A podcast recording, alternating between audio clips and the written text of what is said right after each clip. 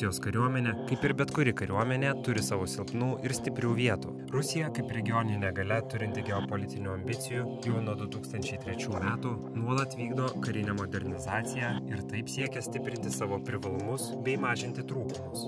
Kaip kiekvienoje kleptokratinėje valstybėje, šis kelias yra paženklintas politinė kova tarp galios centrų, milžiniška korupcija ir propaganda šalies viduje bei užsienyje.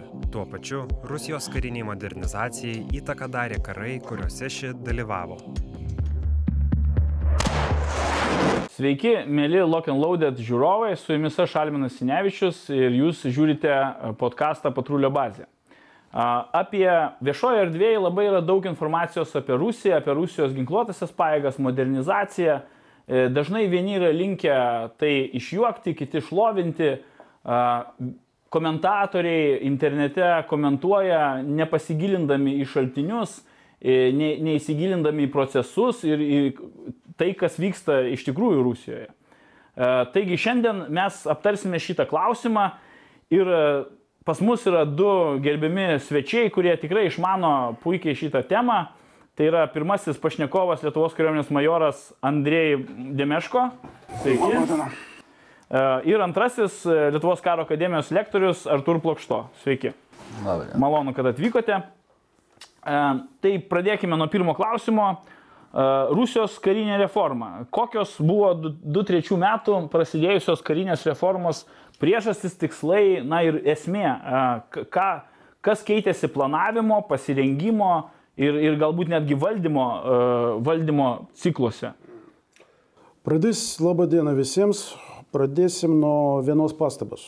Kada mes kalbam apie Rusijos karinę reformą, reikia visada prisiminti, kad ten nėra taip gerai, kaip bando parodyti Rusijos valstybinė televizija, bet nėra taip blogai, kaip norisi aplinkiniams.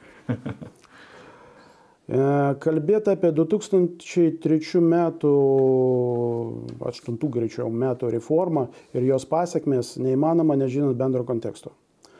Aš pradėčiau trumpai e, nuo 93 metų. 93 metais susikūrė Rusijos kariuomenė ir e, ką turi? Turi penkias pagrindinės problemas. Problema pirma, reiškia, nėra pilnai sukomplektuoto dalinio. Daliniai turi, tie, kurie yra vakarų karinė apygarda, turi ten iki 70-80 procentų užpildymo. Daliniai antrojame ešelonė iki 50-70, masė kadrų dalinių ir masė logistikos. Tai yra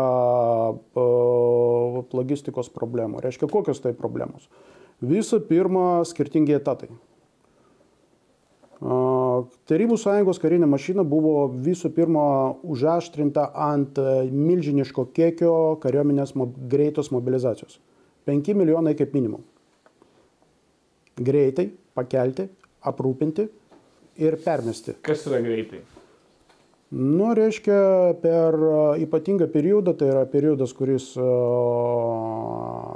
kuris turėjo eiti prieš, prieš karą, nu, pavyzdžiui, ne keletą mėnesių turėjo būti atlikta mobilizacija, turėjo būti užpildyti etatai kadrų dalinių ir šitie daliniai atlikus tam tikrus veiksmus, mes dabar nenagrinėjom, ar tai manom ar ne, turėjo būti permesti į, reiškia, į prie būsimų frontų. Ok. Tik 93. 93. Reiškia, toliau. Kitas momentas, kitas momentas pati karinio valdymo struktūra. Ta prasme, gynybos štabas siūsdavo savo nurodymus į karinę apygardą, kurie karo metu turėjo tapti fronto vadavietę. Frontas savo, tai yra karinė apygarda, siūsdavo į armijų štabus, iš armijų štabų siūsdavo, reiškia, į divizijas ir taip toliau ir žemiau. Mhm. Neturėdami personalo apačioj, virš šitų visų dalinių kabėjo milžiniškas grybas karinės vadovybės. Ir sprendimai dažnai nu, nesurasdavo savo kelio. Ką buvo nuspręsta padaryti 93 metais? Buvo nuspręsta, kad reikia sukurti mobilios, tai yra mobilios pajėgos, kurios turėjo būti užpildytos mišriais ir profesionalais, ir šauktiniais. Buvo numatyta penkias brigados, kurios turėjo turėti vienodą struktūrą. Dėl finansinių dalykų, nes tada prasidėjo didysis didžiojo ekonominė suirutė, tai nebuvo atlikta. Buvo sukurtos trys brigados ir tai jų nevienodos, nevienodos struktūros. Dalis brigados padalinių buvo, reiškia, kadruotos. Tai yra užpildymas 20 procentų. Iš principo, kai Čečenija į Grozną ėjo, tai buvo vidury reformos ta kariuomenė, ne? Ar kaip? Iš esmės reforma sustojo dėka to, kad e, jai truko trijų dalykų. Pinigų, pinigų, pinigų. Čia ne aš pasakiau, čia Friedrichas Didysis. Ir taip, prieš organizuojant pirmą Čečenijos karą, generolas Gračiovas kreipėsi į prezidentą Jelciną su prašymu atlikti dalinę mobilizaciją. Jam buvo atsakyta. Prasidėjus karui, reiškia, buvo ilgam karui, buvo problemos su užpildymu. Ir todėl iš visos Rusijos kariuomenės, iš kitų jėgos šaltinių, jėgos struktūrų, netgi tokių kaip, reiškia, kalėjimo apsaugos tarnybos, buvo surinkami žmonės, formuojami atskiri būriai ir buvo siunčiami į, nuolatį, į rotacinės komandiruotės. 96 metais pirmas Čečenijos karas pasibaigė ir prie reformos jau nuspręsta grįžti atgal. Buvo nuspręsta, kad kiekvienoje divizijoje vienas pulkas bus nuolatinės parinkties, nuolatinio užpildymo. Oro desanto pulkai visi, tai yra dvi, divizijos visos turėjo būti užpildytas 100 procentų. Nes... Su kontrakt, nu, su pas... Ne, mišrus. A, mišrus. Mišrus. Struktūra buvo daug maž tokia. Nulatinės parinkties padaliniai 95-100 procentų, sumažintos užpildymo dviejų tipų brigados, tipo A, tik B iki 70 procentų, saugojimo bazės ir kadras. Ir tokia struktūra kaip ir egzistavo iki galo. Buvo atliekami, reiškia, atėjus ministrui Ivanovui, kuris, reiškia, pakeitė generolą Radionovą po 2001 metais, buvo atliekami bandymai pervesti į profesionalią tarnybą, bet susidūrė su socialiniam problemam. Pasakysim taip, tada prasidėjo Rusijoje ekonominis pakilimas ir nebuvimas adekvačių, reiškia, adekvačių algų ir socialinių dalykų neleido to padaryti. Nu, kaip pavyzdį, per vienus metus 206 pulkė, atrodo, e, kuris dislokuojamas Sibirė prie ne brigadoj. E, reiškia, per metus, e, reiškia, 200, 2600 kontraktininkų profesionalų, kurie atėjo į profesionalią tarnybą, reiškia, nutraukė kontraktus su gynybos ministerija. Buvo nustatyta, kad iš esmės pilnai sukomplektuoto profesionalo padaliniais, padalinys kainuoja 50 procentų brangiau už mišrios komplektacijos. Nu gerai, o jeigu toliau einam? O jeigu toliau? 2-3. O tai 2-3 reforma vyko kažkokia ar ne? Taip, Buvo, buvo toliau tobulinami nuolatinės parinkties padaliniai. Generolas Baluivas, tuometinis štabo viršininkas, jeigu aš neklystu, reiškia, parengė procentą, projektą dėl trijų karinių, milži, milžiniškų karinių, reiškia, pavadinsim jos vadavečių sukūrimo. Čia iš esmės kopijuojant amerikiečių patirtį su komais. Mhm. Tačiau per pratybas buvo nustatyta, kad valdymo sistema tinkamai neveikia. Ir pats įdomumas įvyko, reiškia, po, penkių, po 08-08 karo. Gruzijos. Gruzijos karo. Iš esmės, atrodo, valiu, viskas tvarkoj, priešas nugalėtas, Rusijos tankai ten N km iki Tbilisio, viskas gerai. Tačiau pas, prasidėjo, reiškia, pranešimai apie tos problemos, su kuriais susiduriu. Visą pirma, mm, valdymas. Išdaidavo iki to, kad gynybos štabas tiesiogiai vadovavo atskiroms padaliniams kas yra nesuprantama. Karo pradžioj pirmos dvi kovinės grupės, kurias kirto Roko tunelį, iš esmės jų vadovybė vykdė savo veiksmus be tiesioginio ryšio vadovavimo su anksčiau stovinčiais štabais. Logistika. Susidūrimas su ryšio problemom, ryšio ir valdymo. Ir taip nuostoliai, nuostoliai reiškia kariniuose oro pajėguose nu, praradi, praradimas tų 22, nu, čia negalima buvo niekaip paaiškinti, tik tai to, kad metė tas, kas, kas galėjo skraidyti. Ir tame fone naujas ministras, kuris atėjo anksčiau truputį, ponas Serdikovas, pradėjo savo garsią reformą. Ką jis padarė? Visų pirma, jis vieno kirvio mosto, nu, pasakyti, čia geriausia analogija, sumažino Rusijos kariuomenę iki milijono. Karininkų korpusas buvo sumažintas taip pat per pus, nuo 350 tūkstančių iki 150 tūkstančių. E, reforma karinio mokymo. Iš 65 mokyklų liko apie 10. Jos susikoncentravo, reiškia tokie mokamai centrai. Toliau, didelis e, dėmesys buvo skirtas, e, skirtas į paprasto kario gyvenimo nes e, tai prasidėjo e, kova, reiškia, su nestatutiniais santykiais, e, prasidėjo, reiškia, kario gyvenimo sąlygų gerinimas, logi, privačių logistinių iniciatyvų įleidimas į kariuomenę ir, taip sakant,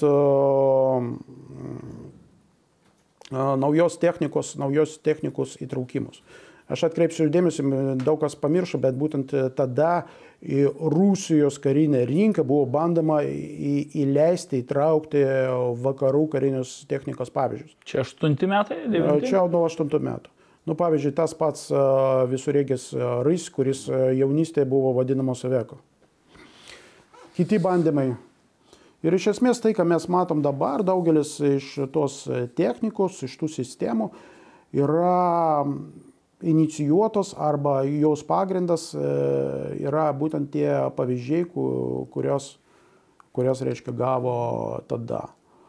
Reiškia, ir 14 metais Rusija, iš esmės, mes pamatėme naują Rusijos kariuomenę, kuri sugi, jau truputį skiriasi nuo to, ką mes matėme 8. Tai yra sugebanti, vadova, sugebanti reiškia, užtikrinti vadovavimą ir valdymą reiškia, aprūpinimo lygis ženkliai padidėjo.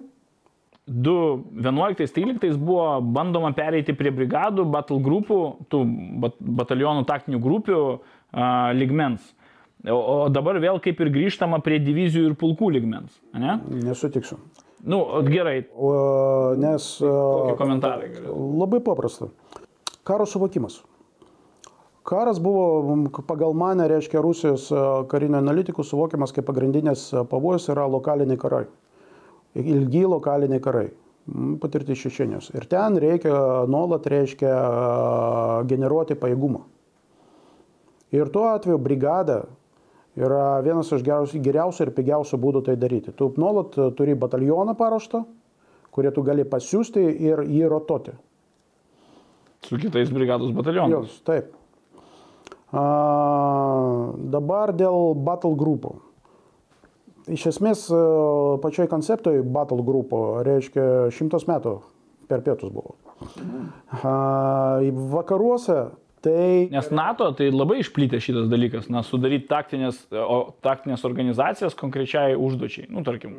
Tai čia ne tik NATO. Aš gal... Nu, ne tik NATO. Bet... Įsiterpsiu, čia, jeigu pažiūrėsime antrą pasaulinį karą, vokiečių e, pajėgos kažkodėl pavardėm buvo e, žymimos. Čia yra vado ir kas yra poreikis, kame tam buvo ir formuojamas, būtent išeinant iš to užduoties, ką reikia padaryti.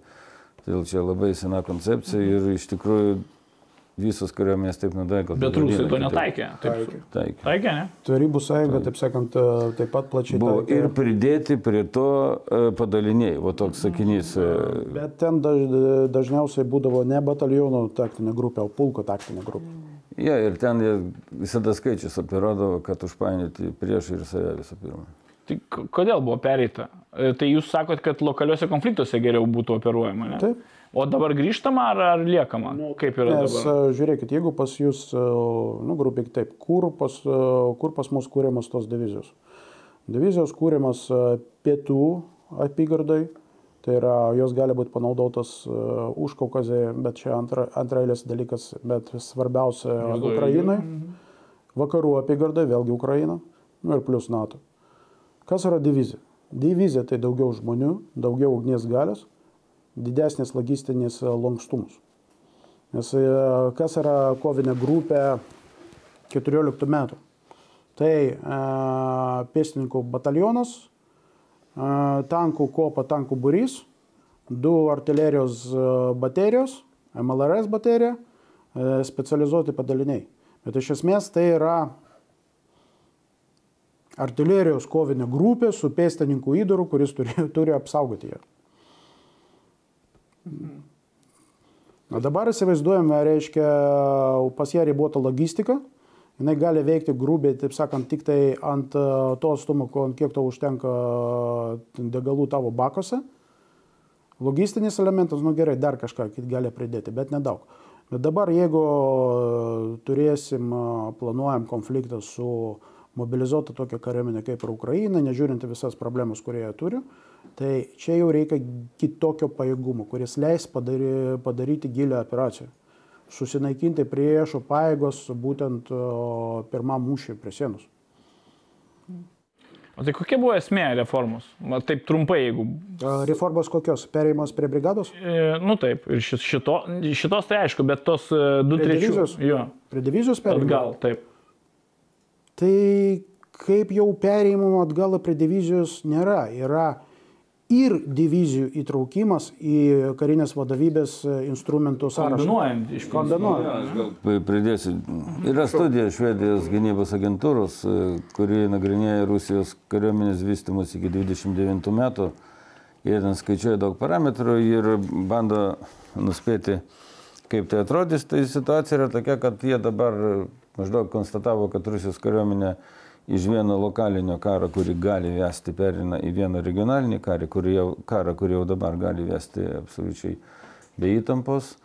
O tikslas būtų e, sugebėti kovoti savo teritorijoje prieš priešą, kuris turi oro persvarą, yra aukštų technologijų, kažkaip nelabai čia Ukraina, ir užtikrinti savo interesus už Rusijos ribų. Tai vat ir gaunasi, kad iš vienos pusės jiems reikia didelių galingų dalinių, kad kovoti karą prieš, nu, kuris čia e, aukštų technologijų su oro persvara, jo, tik vienas, jo, tik vienas varžovas. Nu gal Kinija dabar dar kyla. jo. Kinė dar, man atrodo, jie nemato. O antras tai būtent buvo tokie lokaliniai kariai už Kaukazę. Dar, man atrodo, po Afganistano įvykių įtariu kitaip pradės žiūrėti į savo pietus irgi, nes sienos, taigi faktiškai jie neturi tarp Vidurinės Azijos ir Rusijos. Ant žemėlapio turi. Ant žemėlapio, jo. Ir dabar pradėjo dėstyti, kad Kazakstanui per daug atidavė žemės. Buvo tokie pareiškimai iš Rusijos dūmus kai kurių veikėjų. O žiūrėkite, tai e, ta, ar ta, tavo reforma, jeigu kalbėkime tą trečių, aštuntų, ten, kurią jūs minėjote, e, Andrėjau, ar, ar jinai buvo tokia daugiau administracinė techninė e, reforma, ar jinai palėtė ir, ir giluminius organi karo organizavimo, karinės kultūros, e, tokio praktinio, taktinio ligmens dalykus? Ar tai tik tai aukščiau, aukščiau buvo? Bet kuri reforma yra kompleksinis dalykas. Reiškia, man sunku sakyti, nes e, dėja aš neturiu prieimo prie jų gyny- gynybos štabo archyvų. Bet e, galiu teikti, jeigu nu, pažiūrim, reiškia, kaip vystėsi operacijos. Didesnį vaidmenį pradėjo vaidinti, vaidinti reiškia, bepiločio aviacija. Buvo pakeistos ryšių priemonėmis. Ne, galbūt ne visur, bet tuose koviniuose daliniuose joje perėjo prie, a, reiškia, digital. A, Buvo didelės ir, buvo ir yra fin, didelės sumos e, finansuojamas, reiškia, automatizuotos valdymo sistemos. Tai yra, jie bando, mano galva, aš galiu būti klysti, reiškia, bando, uh, bando įveikti tą atskir, uh, atskirtį tarp uh, NATO pajėgumų, nu grubiai Amerikos ISR pajėgumų, žvalgybinius. Galimybės nustatyti, identifikuoti, reiškia taikinį ir savo. Tai keičiasi. Dabar pats kariavimo reikalavimas personalui. Nu, oficialiai spaudoje nuolat pabrėžiamas būtinybė, kad karys, karininkas, puskarininkas privalo būti iniciatyvus įsakymo rėmose, išnaudoti bet kurią galimybę laimėti. Ir kitas būdas, kitas momentas čia perėjimas prie distancinio karo. Tai yra prasme, jau tas akcentas artimo mūšio, kuris buvo toks būdingas, reiškia, anksčiau. Taip. Jis jau, mano galva, yra taip nustumiamas į šoną. Iš pradžių artilerijos kruša, po to judam, jeigu nejudam, vėl artilerijos kruša.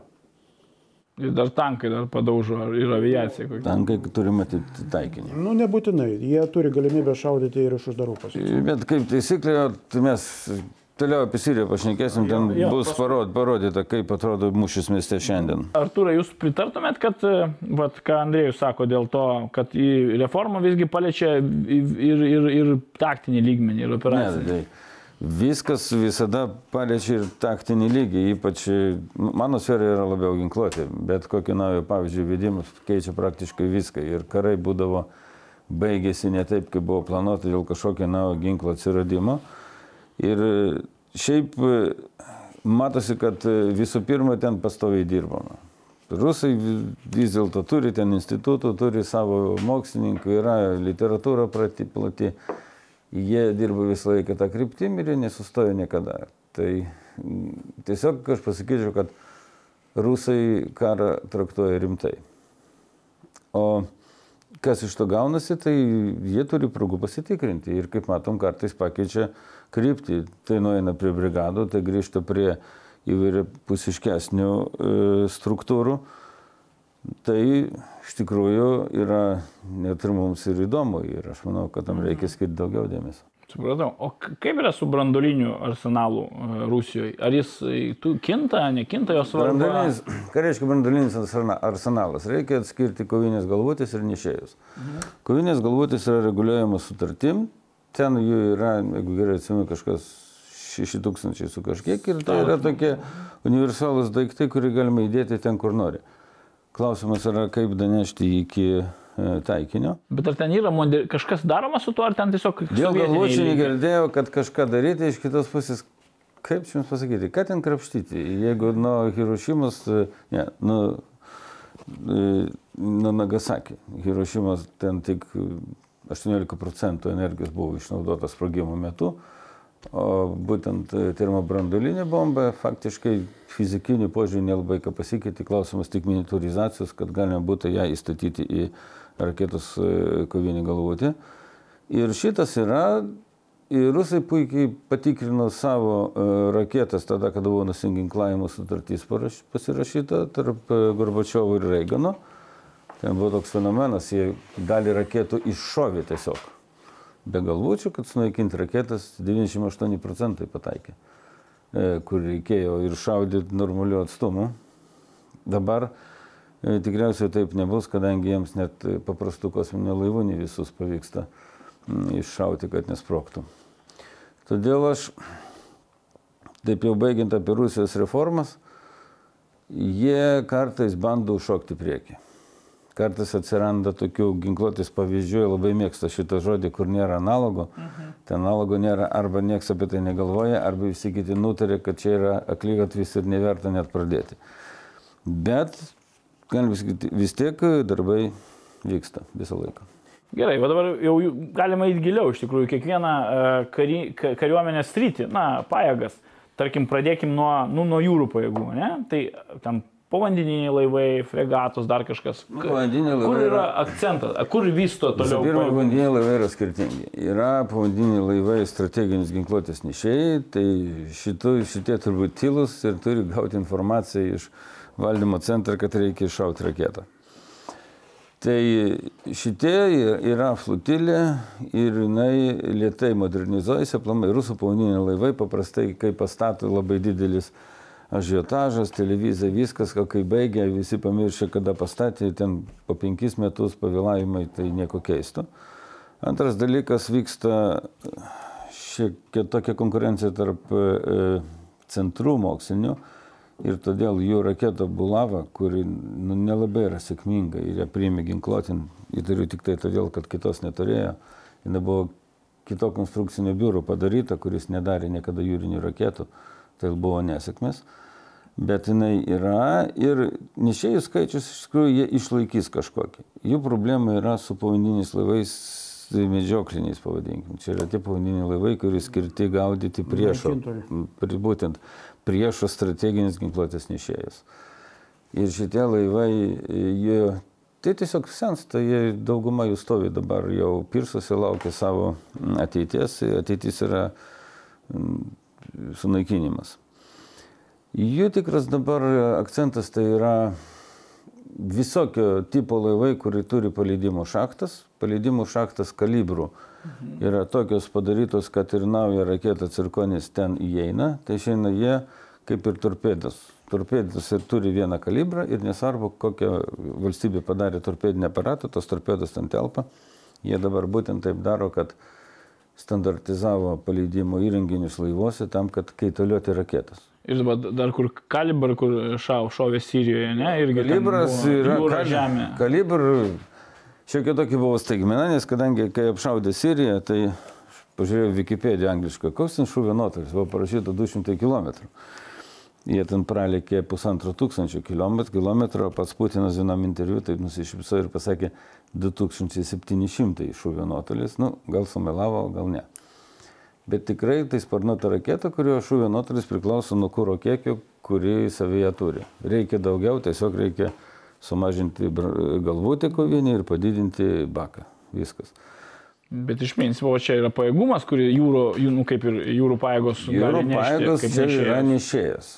Čia tiesiog vieta, kur ta raketa yra, tas pats yra sparnuota raketa Iskanderė, kuri yra, jeigu iš tolo pažiūrėsi, praktiškai nuo kalibro nelabai skiriasi ir parametrus turi tos pačios. Taip, pana, panašus, jie ten vis tiek šiek tiek yra skirtumai. Navio raketa jūrinė cirkonis, kur jie labai giriasi, kalibras kalibro, ta prasme, į tą patį šaktą galime įdėti, greitis virš 6 machų. Ir pagal rusus ir ne tik pagal rusus, jie tiesiog sunku e, atliekiančių numušti. Mhm. Labai nedaug laiko lieka sureagavimui. Kad būtų naujo tipo laivai statomi, jie, jie turėjo vieną lėktuvnešį, apsijokė prieš visą pasaulį, Admiral Kuznecov. Tas, kuris iš, iš dūmo gal nebuvo iš kosmoso atsekti, nes tai vienintelis didelis lėktuvnešis, kuris e, be brandolinės įgainės, o su dizelinis variklis, jie prarado šiek tiek lėktuvų iš jo grinai iš to, kad neturi tradicijų. Linai plišinėjo, kada leidosi jų lėktuvai. Kodėl? Jų lėktuvai yra perdaryti iš sausumos lėktuvų ir jie yra sunkus. Tiesiog sveria 50 procentų daugiau negu normalus, kurie turi ant denį nusileisti. Šitas jisai buvo pastatytas remontą, po to sudegė, po to dar kažkas ir dabar svarsto naują statyti. Nemanau, kad pastatys, nes principiai nelabai mm, jiems jo ir reikia, o išradinėti naują labai sudėtingą ginkluotę, ką žin ar verta. Todėl ir iš kitos pusės Rusijos, kas yra Rusijos jūro pajėgos. Visų pirma, Baltija, Šiaurė, tolimiai rytai, visur kitur šiek tiek skirtingų reikia. Šiaurėje tikrai daug dėmesio bus, kadangi jie planai matosi ir ruošiasi būsimam karui būtent. Nu, šiaurės jo, šiaurės ašigalį. Ir ten, aišku, jie ir modernizuosis tą kryptimį. Čia... Aš papildyčiau dar, kad čia ekonominis momentas dėl klimato kaitos. Uh, tikisi, reiškia, kad e, pakrantė šiaurės vandeninų bus prieinama. Jo. Laivams. Laivams. Jo, jo, tai labai teisingai tikisi, tas didelis problematinis šiaurės kelias taps be probleminių, kaip pavasario keliu. Taip. Bet ten... Čia ypač Kinijai svarbu. Čia klausimas, aišku, dėl infrastruktūros. Mhm. Nu, atsiras kelias, atsiras Dėl uostų, ne? Jo, ten uostai faktiškai. Užšaudantis visi dabar. Ten yra vietos, kur galima statyti. Taip, uostų. ten vietų yra uostų. Uostų. Ja. Tai gerai, tai tada pereikim prie oro pajėgų. Ar ku- vat, naikintuvai, jų yra irgi įvairi galybė. Oro pajėgos yra, yra daug visokiausių rūšių, yra neblogai išvystyti, jų yra iš visų visus lėktuvus suskaičiuoti maždaug pusantro tūkstančio. Per visą Rusijos oro pajėgas visas. Tai visos Rusijos oro pajėgos, tai ten sunkiųjų naikintuvų 380, lengvųjų beveik 300, st- strateginių bombonešių tų 160, pats naujausias yra 16. Dabar naujus pradėjo statyti, irgi šiek tiek publika juokiasi, kadangi originalas buvo pastatytas prieš 30 metų ir ką nieko nekeičiam, tą patį statom, nu kažkaip nesolidu. Bet tai ant kiek, kiek modernizacija, kiek ten, nu, detalį. Ten ne modernizacija. Jie tiesiog visi pastatyti maždaug tarybiniais laikais. Ir jie visi jau daina iki maždaug 30 metų senumo. Ir šitoj vietoj Čia jūs kalbate apie strateginius bombonešius. apie visą aviaciją. Ai. Apie visą aviaciją jie neturi tiek pajėgumų, kad tą pusantro tūkstančio senstančių pakeisti pusantro tūkstančio naujų. Ir galima čia išskirstyti pagal rūšis. Tai pavyzdžiui, fronto bombonešių tikrai mažės, nes ten pagrindinis yra su 24, pakankamai senas. Lengvųjų naikintuvų jie atrodo išnyks iš viso, čia mygai, o mygai... Andrėjus, matau, nori prieštarauti man. Ne, aš neprieštarauju, aš tik, tik tai norėčiau paminėti, kad šiuo metu įvyko, arba jau dar vyksta nedraugiškas pasisavinimas mygo įmonės, reiškia, Suhoj. Ir todėl tai gali pa, pa, paaiškinti, kodėl paskutiniu metu tiek daug mygų krito. Nu, mygo nedaug krito. Suhai jau krenta irgi. Tai ir trys, ir vienas ir paskui kitas. Bet čia, kad, kad parodyt, kad maždaug, kad tas reikia aprūpinimas, reformos. ta, tas aprūpinimas, tos įmonės, reiškia, kurios e, gamina detalės, visa kita. Mygas turi problemų iš tikrųjų. Nauji mygai rusiški tai kurie? MiG-29. Tie, kurios nepirko Alžyras. Jie pasirašė kontraktą, jie jau sako, o jums mygai, alžyriečiai patikrino, pasakė, čiagi seni, tik tai šiek tiek e, nudažyti iš naujo ir nepaėmė jų. Vat atsirado nauji mygai Rusijos kariuomenės. Tai šita rušis atrodo išnyks būtent ir todėl, kad suhojo e, skraidys Jis naikintuvai. pranašesnis iš principo su Huawei. Sunkesnis, galingesnis. universa- universalesnis. Taigi iš jo ir bombonešių padarė. Taip, taip. Nu. Nes mygas tai yra lėktuvas e, pagamintas pagal ideologiją e, fronto naikintuvų, Taip, jisai lengvas fronto naikintuvas. kuris turi užtikrinti dominavimą ore būtent virš kovos mūšio lauko. Tai o šitie neatsistatys tikrai, todėl galim pasakyti, sunkus naikintuvai maždaug išliks, išliks toj pačioj, tam pačiam lygiai, jeigu pavyks į, į naują Suhojaus su- įstatyti normaliai su 57, nes jau seniai turėjo skraidyti serijiniai, bet vis neskraido ir kaip visada pas rusus problema su varikliais. O strateginiai bombonešiai ten nauja kažkur net tik tai kompiuterinės vizualizacijos yra. Tai mums negresia jį pamatyti, man atrodo, serijinių būdų gaminama. Nu, apie piločius žino Jo, daugiau. bepiločiai, va čia. Galbūt aš paminė, paminėsiu dar vieną momentą, apie kurią ponas Artūras mm, nekalbėjo. Reiškia, kai mes kalbam apie Rusijos modernizaciją, ten yra toks reiškinys kaip bandymas uh, nukirsti kampą. Tai yra neeiti tuo keliu, kai praėjo, pažiūrėjau, Amerikos, uh, Amerika, vakarų šalės, o surasti kažkas, kas suteikia tau galimybę e, turėti tą patį pajėgumą. Ir toks bandymas, sakyčiau, pakankamai sėkmingas e, yra GFEST sistema, kuria implementuojama į Rusijos karinio oro pajėgos. Kas tai per sistemą? Tai yra sistema, kuria leidžia ženkliai padidinti a, įprastos, a, nu, grubiai, laisvai skrendai- krendančių, krendančios amunicijos tiks, pataikymų tikslumo. Ta prasme, jeigu pas jūs standartas tilto sunaikinimas yra 50 bombų, 1973 metų, tai dabar su šitą sistemą jūs tai galite padaryti panaudojant penkias. Kokia esmė? E, Esmė yra tokia, kad e, kompiuterinė sistema pati apskaičiuoja tą momentą, kada reikia numesti bombą. Čia NATO tai yra ta precizinė ginkluotė irgi, precizinė Ne tas pats. Ne tas pats. Čia Ne, tas pats. Tai Vienas dalykas, kada mes nustatom tašką, kai numetam ir jinai krenta laisvai, mhm. tik tai gerai suskaičiuota, kitas, kada yra koreguojama krenta, turi, turi ir koreguojamas. Ir... Mm, Bet tai leidžia pa, papigėję, taip sakant, išnaudoti senus atsargas, nes reikia suprasti vieną dalyką, kad uh, Rusija nėra šalis, kurie pagal savo finansinės galimybės gali konkuruoti su, su Junktinėm valstybėm. Taip, taip, ten Italijos biudžetas pas Rusiją. Aš apie šitą dar pas, pašnekės. Todėl, reiškia, jie bando tai, tai reiškia, tai daryti, kompensuoti, kompensuoti. Ir prieš oponentą, kuris neturi išvystytos oro gynybos, tai veikia.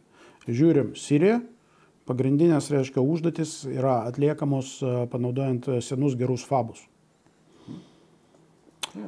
Toliau kitas momentas be piločių.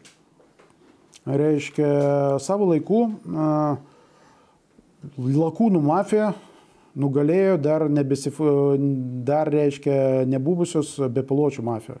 Ir tada kari, Rusijos karinios oro pajėgų vadas į klausimą, o kodėl vat, mes apie kovinius bepiločius nekalbam, jis sakė, mūsų lakūnai atliks visas tas užduotis ir nereikia mums jų.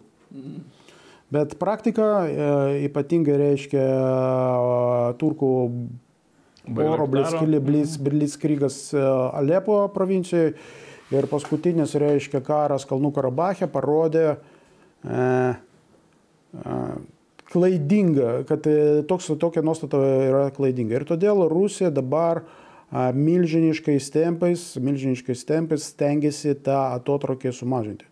Tai yra paskutiniam, paskutiniam reiškia armija 21 parodoje, paskutinėje parodoje, pasirašyta pirmas kontraktas dėl e, Orion, Inahodits, reiškia bepiločių sunkių, malės bepiločių, tai yra vidutinio aukščio veikiančius sunkias sistemas įsigijimo Rusijos kariuomeniai. Mhm. Tikėtina, kad pirmas kontraktas bus penki komplektai, tai reiškia 15 bepiločių. Ir ant greičių jiems jau sukurta, reiškia, sistema, perdarant sistemą ginkluotės, perdarant, reiškia, įprastus turimus pavyzdžius. Ir tikėtina, kad mes juos pamatysim. Poligonuose tikiuosi. Tai aš... Ir užjūrė kompanijose ja, taip pat. Ir užjūrė. Aš gal grįšiu šiek tiek prie aplamai, taip, vis tiek eisim toliau prie sausumos paėgų, kol bus daugiau detalių. Bet aš dar, palaukit, Artur, dar prieš einant prie sausumos, to jau eisim iš tikrųjų, bet aš dar noriu vieną klausimą, gal turit kokių komentarų dėl e, tolimojo nuotolio raketų, nes vis pasigirė, kad ten kokia viršgarsinė tolimojo nuotolio raketa. Ja, aš turiu komentarą tokį, čia yra garsus multfilmas, kurį rodė Putinas 18 metais kur buvo taip, kad jo raketa aplieks visą žemę ir iš nugaros smoks.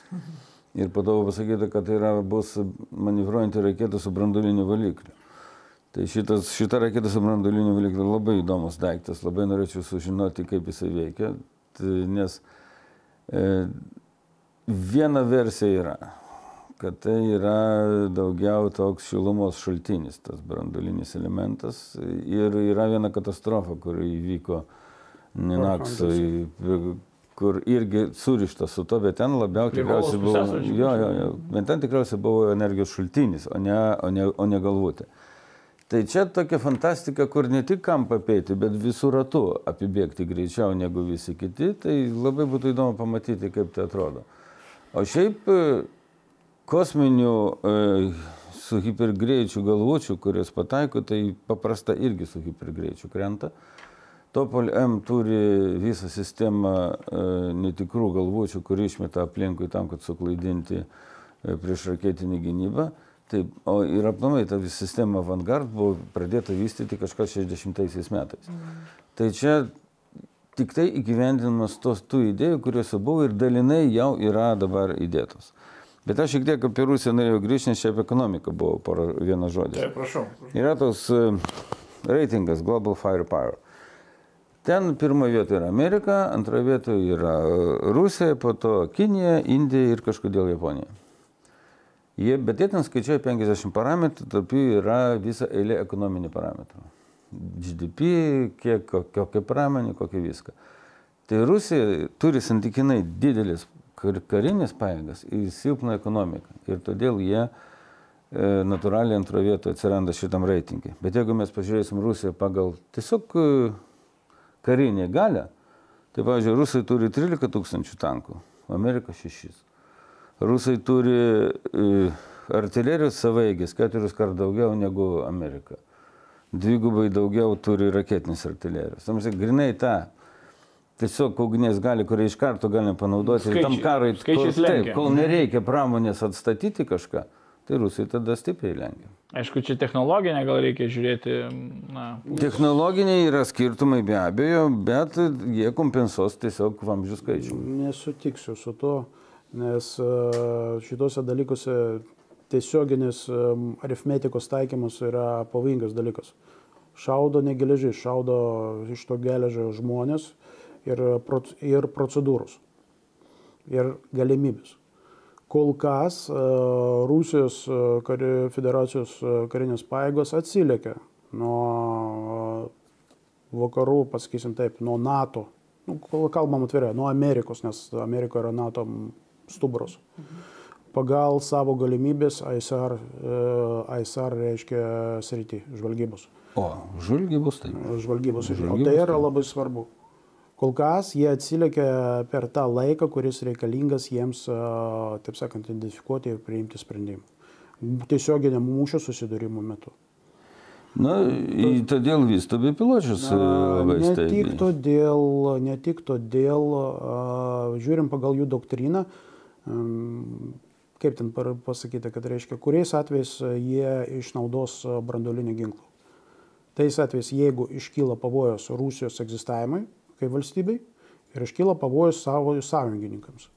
Nu, dėl antro punkto nežinau, bet man atrodo labai aiškiai pa, paaiškinta, kada šitas viesdas gali būti pakeltas ir nuleistas. Aš kalbu apie brandolinį ginklą. Dabar jeigu kalbam, grįžtam vis dėlto prie modernizacijos karinio oro pajėgų. Ir yra dar viena tokia problema, kuria vadinasi navigacinių sistemų. GLONASS. tai čia palidovinių sistemų. GLONASS. A, Taip, taip. Pozicionavimas. Pozicionavimo sistema. Be pus- nuos- nuosavos pozicionavimo sistemos visos reiškia protingos, a, protinga, visa protinga ginkluotė, visas vadovavimas ir valdymas yra neįmanomas. Su dideliam, su dideliam reiškia problemom jiems pavyko sukurti tą, dapildyti tą glanas sistemą. Dabar jie tai turi. Dabar kaip jie sugebės išlaikyti, kiek jiems reikės papildomai keisti, reiškia, tos palidovus, aš jums pasakyti negaliu, čia specializuotas. Tai ten, šiaip tai čia žinoma sistema, sakant, ži- žinoma problema, aplamai kažkur skaičiau tokį sakinį, kad trečias pasaulinis karas prasidės nuo satelitų naikinimo. Kas pirmas sunaikins pozicionavimo sistemą priešo, tas turės pranašumą ir ten buvo pasakyta ir tai bus Kinija. Bet e, čia, taip sakant, čia toks karas, kuris e, dar galim e, laikyti sunkiai progno- prognozuojamu. O šiaip tai dabar aš siūlau ir prie sausumos pereiti, kadangi jeigu šnekėjom apie brandulinės e, galvotės ir jos neišėjus, tai taip yra povandeniniai laivai. Lėktuvai ne tiek, lėktuvai Rusijoje ne tiek, kadangi jų tiesiog, nu kiek, nu 16 bombonešių yra, kur Daniel jau baigėsi galiojimas. kuri, kuri taip išmes e, H101 su brandulinė galvutė, tai nesprendžia. Sausumos brandulinės pajėgos Rusijos yra, yra vystomos, yra... Jos yra kaip pagrindinės vis tiek pajėgos, nes Jo, susumos. ir, jos yra e, manevruojančios, tas to neturi vakarai būtent. Ir šitas pajėgus visą laiką prižiūrimas, kūrimas po Topol M e, buvo Jarsai, dabar e, Rubiež e, ir čia atrodo viskas vyksta, bet irgi tas pats. Jie mažina, tobulina patį nešėją. O Jūs galų- kalbate apie artilerinės sistemas, taip? Aš kalbu dabar apie strateginės paskirties, vai pavadinkite artileriją. Nu, ne artilerija, gal čia strateginė. Iš tikrųjų viskas yra artilerija. O jeigu kalbėti apie sausumos paėgas, nu, mano akimis tai ten šiek tiek panaši situacija kaip aviacija, tai yra pagrindinė masė konstrukcijų yra sukurtų Tarybų sąjungoje, bet tos konstrukcijos yra, jos turi galimybę Iš modernizavimo. principo bazė visą laiką vis tiek eina nu, sena, ar, ar modernizuoja, pavyzdžiui, ten tankus, kokius armatą paimti. Tai iš visos visos kariuomenės maždaug trečdalį turi beviltiškos technikos pasenusios, trečdalį tokios maždaug, kur jau sensta ir trečdalį naujos. Tai čia yra natūrali kariuomenės būklė, būtent reikia sugebėti atstatyti tą seną techniką ir per tą laikotarpį Rusijoje, kur buvo bandymas padaryti demokratinę valstybę, tai jie šiek tiek atsiliko būtent tam modernizavimo tempuose. O taip, jeigu imti aplamai sausumos pajėgas, taip matosi paraduose rodomi nauji pavyzdžiai. Kada jie pasirodys ginkluoti yra sunku, mes turim gerą pavyzdį tanką armatą, kur 15 metais visi labai laukė, pamatėm. Ir O veiksme kaip ir ar yra kas matė. jeigu aš gerai suprantu, Rusijos e, kariuomenės galbūt ne pačia viršiausia vadovybė, šiek tiek žemesnė, jie su malonumu tą tanką kažkur ir, ir tą projektą uždarytų. Tu prasme, per daug e, revoliuciniai sprendimai. Čia kaip panašiai kaip aš dalyvau dabar Ukrainoje paradė e, tam nepriklausomybės dienos 30-mečio, tai ten irgi važiuoja keli tankai tie, e, kaip ten jie. e, Plotai O, o plotai jo, o ten du gal pagaminti tik tai yra. Plotas yra stipriai modernizuotas tankas, o vis šaknisgi T-64, tas, kuris buvo Ukrainoje. Ir kaip tu jį nemodernizuok, nu vis tiek pradžioj bus e, ir paneš T-64. tiek svorio, kiek, kiek neša konstrukcija T-64. O jeigu bokštų nekeisti, tai lieka karuzelė. Jeigu karuzelė lieka, tai vis tiek tai yra T-72 su sprogimu ir nulikimu viso bokšto, jeigu yra penetracija. O tai grįžkim prie Rusijos, ne? Tai armata nepavykęs projektas taip išeina. O, aš pasakysiu taip. A- Armata toliau vystomas projektas. Ta prasme, dabar, jeigu jau taip žada, nu nežinau, taip sakant, ar jiems pavyks, e, turi atiduoti į band, bandymus, reiškia, kariniuose daliniuose, bet nemanau, kad e, rezultatas bus ge- geras. Dabar pagrindinis akcentas yra, jeigu mes kalbam apie šarvuotąją techniką, sunkia, yra turimų 450 T90A tankų, taip sakant, datraukimas iki T90M reiškia modernizacijos. Reikia dar kartą sakau, nepamiršti, kad finansavimo visiems neužtenka. Ir, e, kaip teisingai pasakė ponas Artūras, modernizuos tai, ką galima modernizuoti. Pavyzdžiui, tą patį BMP-3, įstatant naują ugnies valdymo sistemos SASNAU su termokanalu, su, reiškia, taikinio mm, stebė, steb, stebėjimo automatu, tai yra, kuris le, leidžia, taip sakant, už, Užfiksuoti taikinį. taikinį ir seka, reiškia, automatą. Visa tai leidžia senus tos modelius pakelti į pakankamai aukštą lygį, kuris atitinka dabarties reikalavimus. Tačiau tam tikri momentai yra, taip sakant, po klaustuko. Pavyzdžiui, lengvosios technikos papildomas šarvavimas. Ar tai į jų gynybos ministerija pirks šitus komplektus ar ne? Taip, Sirijoje jau buvo matyti naujų BTR su papildomais šarvais prieš lengvąją prieš tankinę ginkluotę. Tai reiškia, iš karto tai padidino mm, išgyvenamumo kažkur a, 0,5-0,6. Tai yra grubiai, e, jums gali nepavykti jį sunaikinti pasinaudojant kokį nors lengvą prieš tankinį ginklą. Aktyvų šarvą. Ne, ne, tikrą, ne, ar ne, ne. Mes kalbam apie būtent apie tinklus. Tinklų šonuose. Jo, Taip, šonus. Strikeriai irgi dažnai turi. Nu, tuos taip, Tinklai šonuose šiaip Grotus. klaikiai atrodo, labai nepatvarus, kada pradeda iš tikrųjų judėti, susilanksto, užlaiko tik 40 procentų net ir PG7. Čia toks provizor, provizorka, niekada šito nebus iki galo. Yra papildomi kiti, reiškia, šarvavimo bloko papildomai šarvai, kurios, e, tai vadinami minkšti blokai ir visa kita. Tai kaip tai yra, aš negaliu Jums pasakyti. Toliau, vėlgi kalbant e, apie sąveiką su artilerija, nes Rusijos kariuomenė tai pagrindė artilerijos kariuomenė. Ukraina tą parodė iš tikrųjų. Tai 14 metai labai Tai- akivaizdžiai.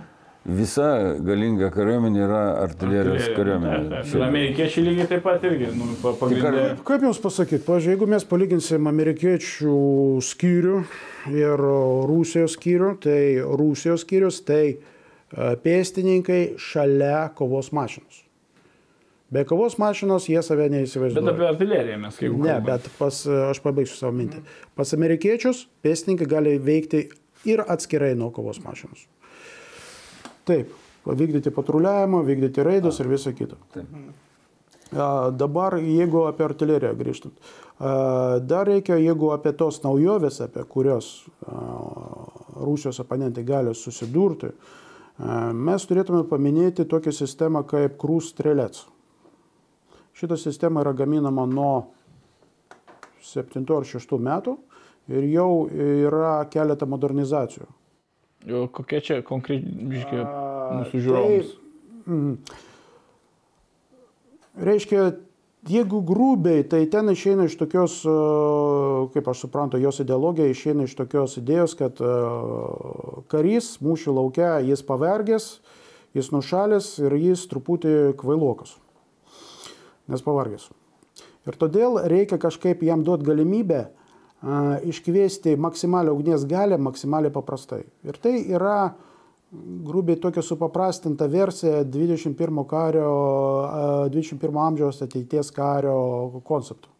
Iš esmės aš manau, kad jinai, bent jau pagrindinis toks postumis ją kurti buvo, susipa, kai jie susipažino su prancūzų Felin ir a, vokiečių IDZ 21. Tai čia yra ant kario, kad jis Ant kario. gali. Jo, Jūs, kažkaip- jūs galite, taip sakant, surandat taikinį, nuimat jo koordinatės, įvedat šitos koordinatės per planšetę ir jos nukeliauja iki kažkokio valdymo, valdymo centro. centro arba tiesiogiai prie to, pažiūrėjau, malūnsparnio, jeigu jūs turite tokią pat sistemą. Ta prasme, jums nereikia galvoti, jums reikia tik tai pastumti.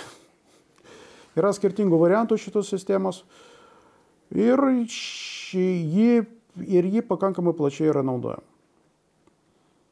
Nu, va, čia toks įdomus pajėgumas.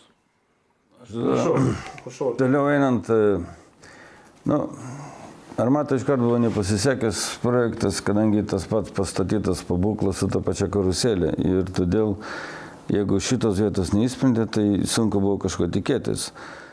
Tas pats kaip kas. Kaip tai 70 metram, ta pati karuselė, tas pats, tas pats koncepcija įstatymo atskirai e, sviedinio ir užtaiso ir sviedinys, todėl širdis prieš tankinį negali būti pakankamai ilga, kad pramušti šio laikinį tanką.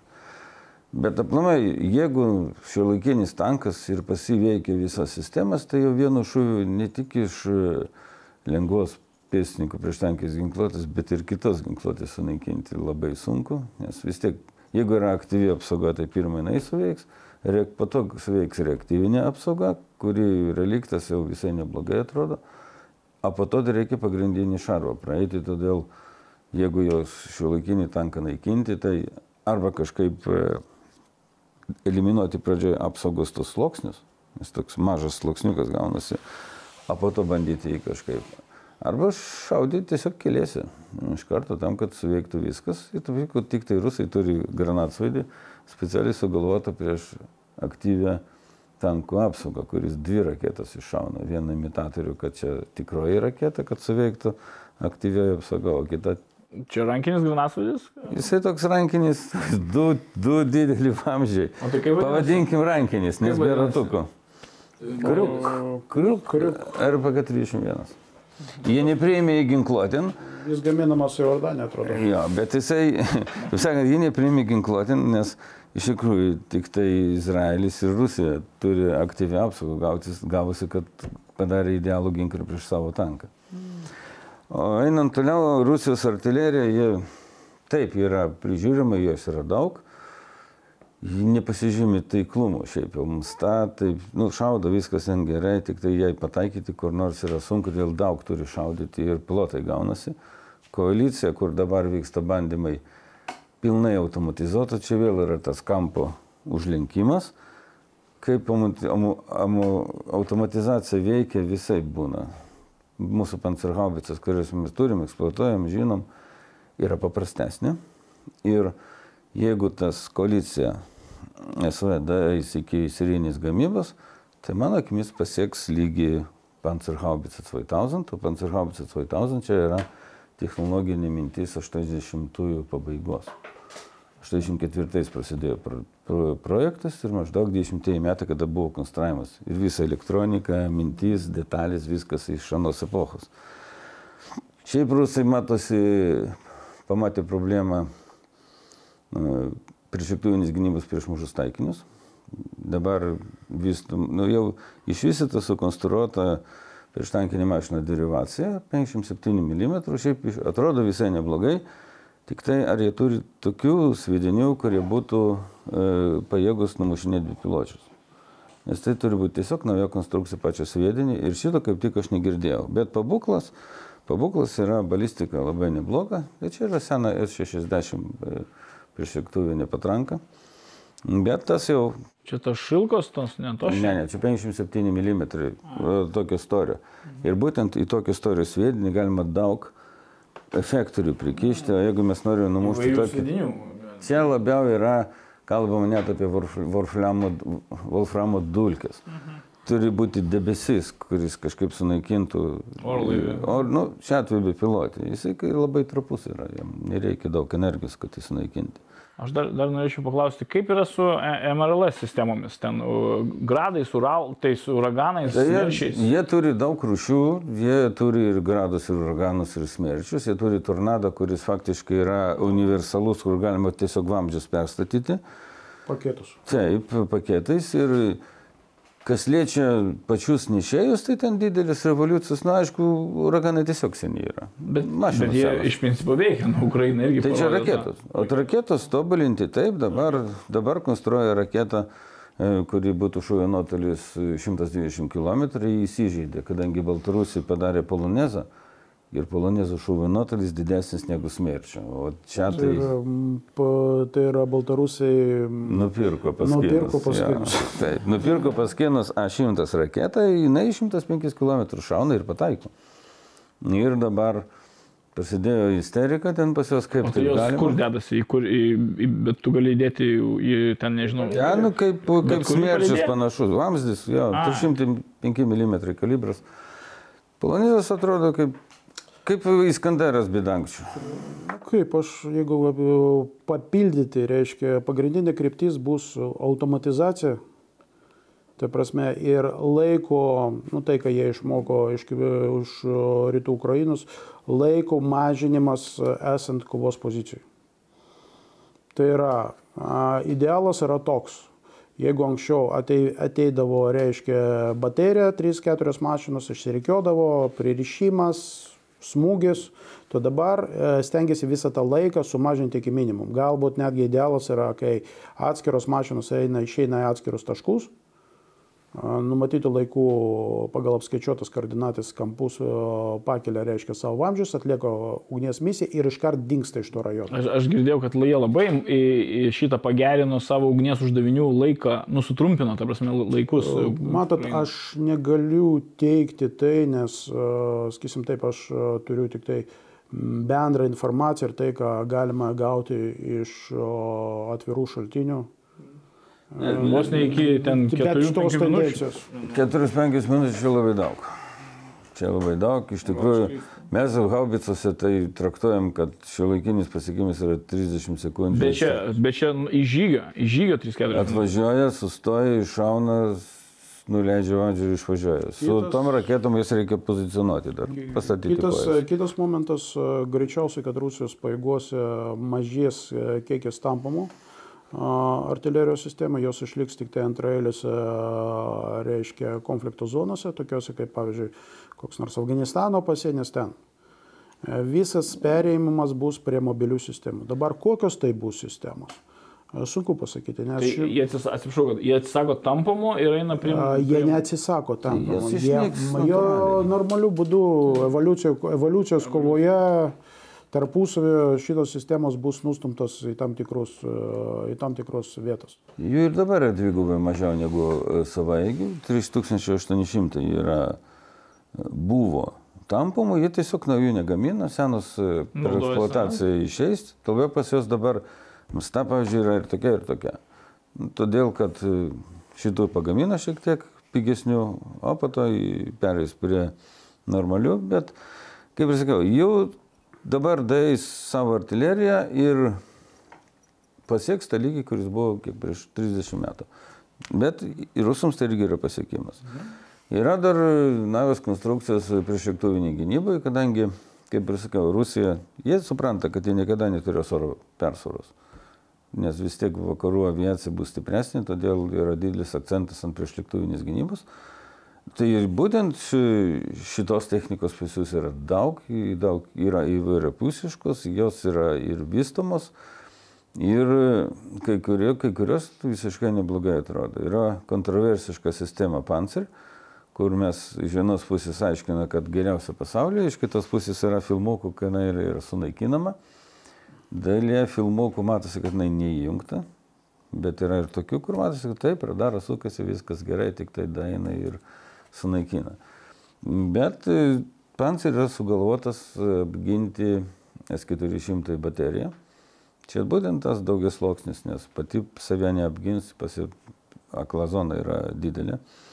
Ir jeigu pažiūrėti aplamai visą sąrašą Rusijos priešlėktuvinės gynybos, tai nuo Manpadų iki būsimo S500. Man tada įglatant Įgla, strela, vienas strela, du, čia yra pernašami, nu, mūsų gromas tai yra faktiškai įgla. Atitikmuo jo. Jo, atitikmo prieš žemai skrendančius taikinius, ypač sraigtasparnius, puikiai veikia. Todėl būtent šitoje vietoje tikrai dės dėmesį, tikrai vystys. Jų Khmeiminė yra savotiškas poligonas, nes ten stovi S400, stovi m, Panzer ir yra torai. Ir buvo atakos be piločių, bandymai. Viena sėkminga. Viena Dalinai. sėkminga, bet... Pirma. Bet nėra taip, kad sunaikino. Išeina apsigina. Ir jeigu apsigina, jie aiškina, čia pancer veikia. Kažkur skaičiau, kad iš tikrųjų tai toras, kuris yra būtent ne- nedidelė aukščio, labai manevringa raketa. Bet e, faktas yra, kad tai turi pasirinkimą. Turi, jie didelį jo, turi pasirinkimą. O žiūrėkite, A- Andrėjau Artūrai, aš dabar norėčiau pakreipti mūsų diskusiją. Jeigu žiūrėt, vat, sausumos paėgas jau į pabaigą baigiant ir vat, nuo, nuo pėstininkų bataliono, ne? nuo, nuo skyrius, būrys, kuopa, nu, iki bataliono. Ne? Gal irgi trumpi komentarai, ar, ar vat, reforma gal keitė kažką, ar nekeitė, ar kaip, kaip jie, vat, kokia ten sudėtis ginkluotė pagrindinė, dominuojanti. Nu, iš esmės, jeigu mes kalbam apie pėstininkus, apie pėstininkus, tai atskiriam keletą momentų. Visų pirma, kad e, dabar Rusijos kariuomenė, čia 20-21 metų, e, reiškia, patidėjo skaičius profesionalų. Nes e, Rusijai, Rusijos visuomenė yra jautri tema nuostolių tarp šauktinių. Nu, čia, pasakysim taip, visų visuomenių, kurios e, pagrindas yra vakarietiškas, tai yra jautri tema. Ir vienas iš tų bandymų yra padidinti profesionalų, reiškia, skaičių, sukuriant e, grubiai, dabar jie bando kažkur sukurti apie, iki dviejų, reiškia, dalinį, iki dviejų batalių taktinių grupių, kurias galima rotuoti reikalą esant.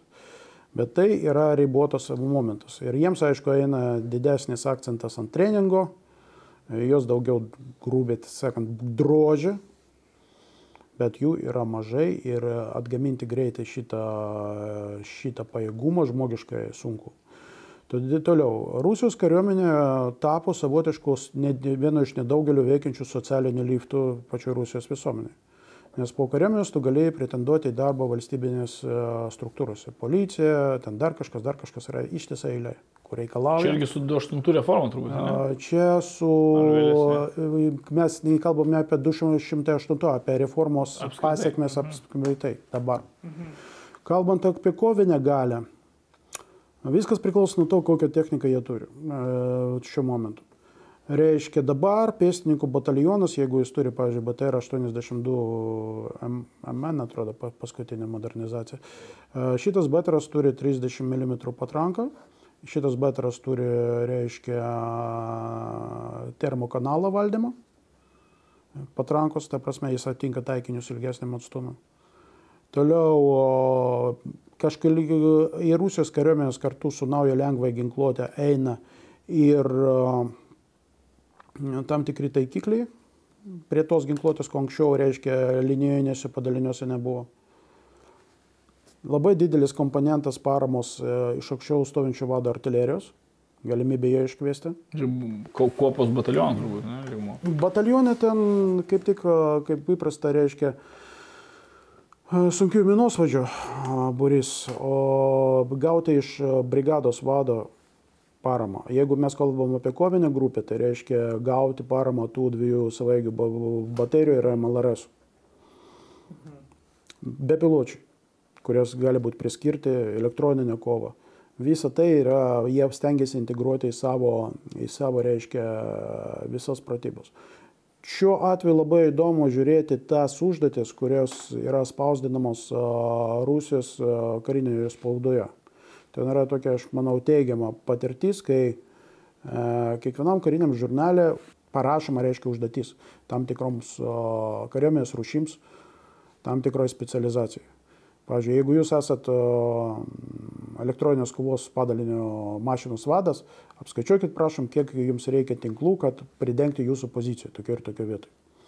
Čia įdomus sprendimas. Taip. Kitas dalykas, kaip priversti visus mašinų vadus skaityti. Skaityti, taip. Čia irgi klausimas. Taip.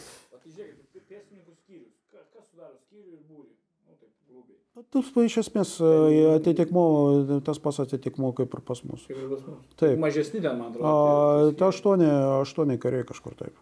Priklausomai nuo mašinos. Būrys apie 30 kokių. Tai apie 30. Iš esmės, nu kaip niekas nieko naujo neišras, nebent išskyrus jūrų pėstininkų korpusą.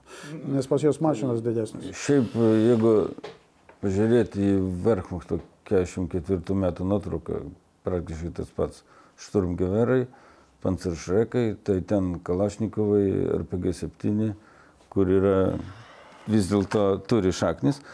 Aš dar pasakyčiau, būtent šaulių ginklai parodo, kad vienas čia yra teigiamas dalykas, mano nuomonė, Rusijai, kad jie neprarado testavimo metodikos, kuri dar nuo carinių laikų yra. Todėl taip lietai įveda naują ginkluotę. Tiesiog nauja ginkluotė nepraeina visos testavimo metodikos, kuri yra labai sudėtinga, labai ilga ir jau tada, kada viską praeis, tada tikrai ginklas šaudys visada. Pavyzdžiui, Kalašniko pakeisti buvo projektas Abakanas, padarė šautuvą, du šūvius šovė vienu metu, ne, po to vis dėlto neįėjo, dabar dar kartą priėmė sprendimą Kokšarovo e, šautuvą įdėti ginkluotę, irgi taip iš tikrųjų nepaėmė. Tai rodo tai, ką pasakė Andrės, tai tas skyrius taip pat ir atrodys. Taip, turės taikiklių naujų, turės valdymo sistemą, turės dar kažką, bet pagrindiniai ginklai nesikeičia ir kažin, ar tai blogai, nes jie yra patikrinti ir jie tikrai patikimi. O kiek tai pasiekė, va, ta, va, va, pavyzdžiui, jūs minėjote, ne, kur tu planšetėje iškvietė ten tai, targetingą darai, ne? Kiek va tokie realiai tos va, mo, na, naujovės moderniosios pasiekia būrį, skyrių, kariai? Šitą įrangą eina, taip sakant, ne visiems, o pagal specializaciją. Pavyzdžiui, Bet jeigu, tarkim, kita. Jeigu, šita... jeigu jūs esat artilerijos, artilerijos žvalgybos ir valdymo būrio narys. Priešakinis stebėtojas, kitaip sakant. Nu, taip, jūs greičiausiai tą turėsite. Bent, bet jau nuo 8 metų, bent jau aš mačiau filmuotą medžiagą, ten Habarovsko karo mokykla, pirmus pavyzdžius šitos įrangos e, kariūnams jau dėstė. Jeigu dėstė tada, aš darau prielaidą, kad dėstų ir dabar, naujesnė. Nu gerai, bet vis tiek vis kažkokie e, padaliniai arba vienetai yra prioritetai. Nu, ten VDV gal. Prioritetai, nu kaip, prioritetas yra Jeigu jums reikia sugeneruoti, reiškia, dvi kovinės grupės, tai greičiausiai prioritetas e, tam daliniai bus būtent šitos dvi kovinės grupės. Jiems eis personalas, jiems eis apmokymai. Technika irgi tai nauja. Naujesnė technika. Šauktinių padaliniai, e, tai yra padaliniai, kurie formuo, suformuoti miš, mišrių principų, tai yra, kur yra profai ir šauktiniai, jie jau gaus tai, kas lieka. Ir tas pats dėl kovinio rinkimų. Greičiausiai taip ir bus. Mhm. Dabar dėl Aš- VDV, Aš dar, irgi, dar vienas klausimas dėl šauktinių labai įdomu, nes aš irgi va, neseniai buvau Ukrainoje ir ten dar, žinokit, šauktiniai, jie ten iššauna, na, 8, ten 10 šūvių per, metu, per tą savo šaukimą ir pagrindė ten šluoti, dažyti, tvarkyti. Nu, va, tokie darbai pas juos. Nu, ko pas mus jau kaip ir nėra. Nu, pas mus vis tiek šauktinis jis turi programą 9 mėnesių, jis eina tą programą ten nuo, nuo individualaus skyriaus iki būrio ir, ir praeina ir tikrai ta, to rengimo daug gauna. O vat, pavyzdžiui, kaip yra Rusijoje, kad ar tie šauktiniai yra tikrai taip jau išnaudojami kaip kariai, ar daugiau kaip e, tas pagalbinis personalas, kuris ten tvarko, šluoja, dažo žolę, ten nežinau. man sunku pasakyti, nes dar kartą sakau, tą reikia žiūrėti ne per tos filmus, kurie eina per viešą erdvę, o reikia pažiūrėti iš vidaus. Greičiausiai praktika naudoti reiškia šauktinius kaip e, pigią darbo jėgą, išlaikant infrastruktūrą, e, ten reiškia egzistuoja. Be abejo. Nes kai iš, iš kitur iš kur tu gausi tos žmonių. Ja, aš gal pridėčiau, yra ir daugiau. Čia vyksta Rusijai procesas prieš šauktinį, kuris eilinį kartą iššaudė visus savo vadus. Ir tiesiog matom, kad yra procesas. Ir todėl ką matom, kad toliau... Teisminis procesas. Teisminis ten... e, Apie incidentą. Ten trumpai būtent teismas, e, ten buvo prisiekusiai, jį nuo mirties bausmės e, atlaisvino ir atrodo jisai gaus e, kalėjimą. Bet užtat tiesiog per šitą tik tai faktą galim padaryti išvadą, kad nėra taip, kad viskas susimodernizavo ir būtent per tą procesą, kad tai e, pastovus reiškinys yra. Ten buvo seksualinis išnaudojimas tiesiog. Todėl e, aš manau, kad nėra taip, kad kažkur garnizonis iš karto visi gyvena pagal naujas normas. Taip neįmanoma. Ja.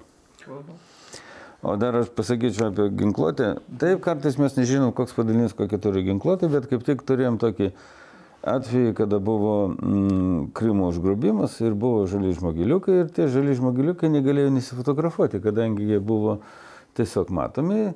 Ir kaip tik ir Andrėjus ir mes, mes tas nuotraukas kiekvieną dieną analizavom ir todėl žinom, kokia ginkluotė yra Rusijos gerų spės padaliniuose. Pavyzdžiui, jų taiklus iššaulys turi du šautuvus iš karto. Vieną priekyje tai SVDD, o už nugaros Vintarėzą. Ir jie negalėjo paslėpti, kadangi jie visų, visą savo ekipuotę taip ir e, buvo nufo- nufotkinti. Čia iš tikrųjų labai įdomu, vad grū, e, spetsnazas, e, kaip va tie spe, spets padaliniai, kaip, jie- kaip jie modernizuojami, vis tiek jie ten, aš girdėjau, kad ir vakarietiškus sna- snaiperinius Mes ten, mes parašėm apie tai straipsnį ir ypač Andrėjus čia išanalizavo taikiklius, kurie buvo ant e, šautuvų. Tai ten apie dešimt variantų buvo tų taikiklių ir net tik rusiški. Pradėsiu nuo to, kad jeigu mes kalbam apie specialių pajėgų, o, reiškia, modernizavimą, aš aišku nesu profesionalas šitos ryties, na, leisiu savo tik tai bendras toks momentas. Pirma, Rusijos specialiosios pajėgos, apie kurią mes kalbam, spetsnazas ar šiaip toliau, taip toliau, e, tai nėra pilnas atitikmo vakarietiškų specialiųjų padalinių. Tai yra specialūs padaliniai, kurie, kurie buvo formuojami pasinaudojant šauktinius, kurie pritaikyti vykdyti tam tikros specialios užduotis. Vakaruose specialios padaliniai tai yra profesionalai. Jūs norit pasakyti, kad e, Rusijos specpajėgos... Palaukit, aš dar nepabaigiau. Reiškia, ir šitos brigados, šita brigada, nu, pavyzdžiui, pati garsiausia, tai yra 45 VDV, kuri dabar tapo brigado iš pulko. A, reiškia, Čia Pskovo, ne? Kuri čia? ne, čia prie Maskvos. Atskira brigada, žvalgybos brigada. Skovo čia 76, nu, oro salto. Taip. Reiškia, iššauktiniai išlieka, bet susibuvo susiformuotas, su- suformuotas, reiškia, specialių operacijų pajėgos, kurios yra iš esmės vakarietiškų, vakarė, vakarietiškų specialiųjų pa- padalinių analogas. Plus buvo žinybinės specialiosios pajėgos, pavyzdžiui, FSB, KGB, FSB, Grū. Alfa, Jo. alfa šitas ir Vimpilas. Vien, vieni veikia daugiau, reiškia, viduj, kontrterroristinė, kita, kaip Vimpilas veikia išorės. Čia daugiau kaip uh, žalias berėtas, va toks analogas būtų, kažkoks miksas. Ir jų modernizacija tai vyksta, jie paima, reiškia, geriausius pavyzdžius ir juos naudoja. Plus atranka. Jo. Milžiniška atranka į šitą struktūrą. Jis nėra didelė. Iš esmės, jos nėra didelės tokios paėgos, jos negalima, pavyzdžiui, lyginti su, su vakarietiškom, bet to dėka jie sugeba vėlgi e, nupjauti tą kampą, dėka, reiškia, didesnio motivacijos turinčio personalo. Na ir aš dar pridėčiau, jie turi daugiau laisvės. Iš mūsų analizės išeina, kad kiekvienas karys galėjo išsirinkti iš ekipuotės tą, kam reikia, nebuvo suvienodinta. Kiekvienas turėjo kitokius elementus. Tradistotis visų buvo vienodos. Spets pajėgų toks yra. jo. Ja, jie būtent matėsi, kad, Nu, kad jie turi kažkokį arsenalą, kur įeina maždaug ir susikomplektuoja savo, kas geriau. Daž, daž, dažnu atveju, reiškia, ta komplektacija vyksta pačių karių sąskaitą. Ta prasme, tu, kai dirbi nuolat tokia įtampoje, taip sakant, tokiuose operacijose, tu nusipirki savo batus, kurie tau patogus, e, sutaupi, reiškia, nusipirki savo naktinio matymo prietaisą. Nu, ten yra toks momentas. Jeigu pats savim nepasirūpinsi, po, pagal jų principą niekas tavim nepasirūpins. Nu, šovinių dos. Šovinių dos. dos. O žiūrėkit, dabar jūs užsiminėte dar irgi gerą apie karinių a, pramonės koncernų, vat, kai Kovą. kovą, jo arba, na, dėl resursų, dėl valstybinių. Dėl pinigų, užsakymų. Dėl užsakymų, užsienio užsakymų, ne, galbūt. O jį vyksta ir kaip, mat, mygas suvalgė su... su Nu, jie visada buvo konkurentai. Suhojas tik užaugo per tarybinį paskutinį laikotarpį, o Mygas tai buvo pagrindinis. Nors piktylė žuvė išneka, kad jisai tiesiog e, Mikojanas buvo giminė kito Mikojano, kuris buvo didelis e, e, komunistų bosas. O, o kiti va, koncernai, kiek iš vis tam jų pagrindinius gal Yra konstrukciniai biurai pagal geografinį principą. Ir kartais, o tai aš kaip sakiau, Bulava raketa buvo staiga atiduota daryti tom konstrukciniam biurui, kuris Topolį darė. Kuris nedarė prieš tai raketų iššaunamų iš po vandenį ir todėl čia viena iš versijų yra specialistas rašė, jinai tiesiog e, vibruoja per stipriai ir todėl ne, neišeina lygiai iš konteinerio ko nėra sausumos e, šūvėje, kur yra atmosfera aplinkui. Galbūt. Taip pat ir e, yra kamovas ir mylis. Yra pasikoj du koviniai sraigtasparniai. Yra jie abu skirtingi, kamovo K50, na, koncepcija visa žlugo nuo pradžios, nes jie ten galvoja, kad vienas pilotas viską prieps. Tai K52 lėtas, sunkus, daug gali panešti. O Milio, Mi-28. Čia krokodilas, ką ne, kuris... Krokodilas tai Mi-24, senas šitas toks. Šiaip jisai turi savo grožį tokį. Jisai yra vadinamas rusų kanatohodės. Tai yra, jisai tik tiesiai skrenda, posūkis labai nemėgsta daryti aplamai. O tas Mi-28, jeigu tas, kas matosi, nes ir katastrofos būna ir jie ilgai neskraido, reduktoriaus klausimą nesugebėjo spręsti, vis tiek e, po labai trumpą laikotarpį atsiranda pjūvienų e, tepalė, o tai reiškia, kad tikrai kažkas yra blogai. Tai kam du atakos sraigtasparniai? Todėl, kad du konstrukciniai biurai buvo e, Kompartijos centrinis komitetas, kur direktoriai turėjo kiekvienas prieimą prie atskirų aukštų sekretorių ir ten buvo vieną kartą priimi sprendimą yra tas, po to priimi ne, tas, bus šitas, tai gale gavosi du. Nu, šiaip jau, sakysim, taip aš daryčiau prielaidą, kad e, kas buvo anais laikais, tai buvo, o naujais laikais e, problema dar tokia, kad e, gamyklos, kur gaminami šitie sraigtasparniai, jie ne šiaip sau gamyklos, jie ir stuburas gyvenviečių pakankamai didelio, kurios aplinkų šitas gamyklos. Be abejo. Ir jeigu jūs neduodat užsakymą gaminti šitos sraigtasparnius, atitinkamai šitie žmonės praranda Nes karinė pramonė buvo nuo Ten sovietmečio. visas regionas gali e, nustoti gyventi. Bet iš tikrųjų dabar tai vis tiek tie koncernai visi, va, jiegi priklauso oligarcham kažkokiem vietiniam arba, nu, Ne. ne? Jos Jie visos, jos visos yra sukoncentruotos, reiškia, pagal sritis ten korporac- korporacija, reiškia, valdomos ginkluotės sistemų.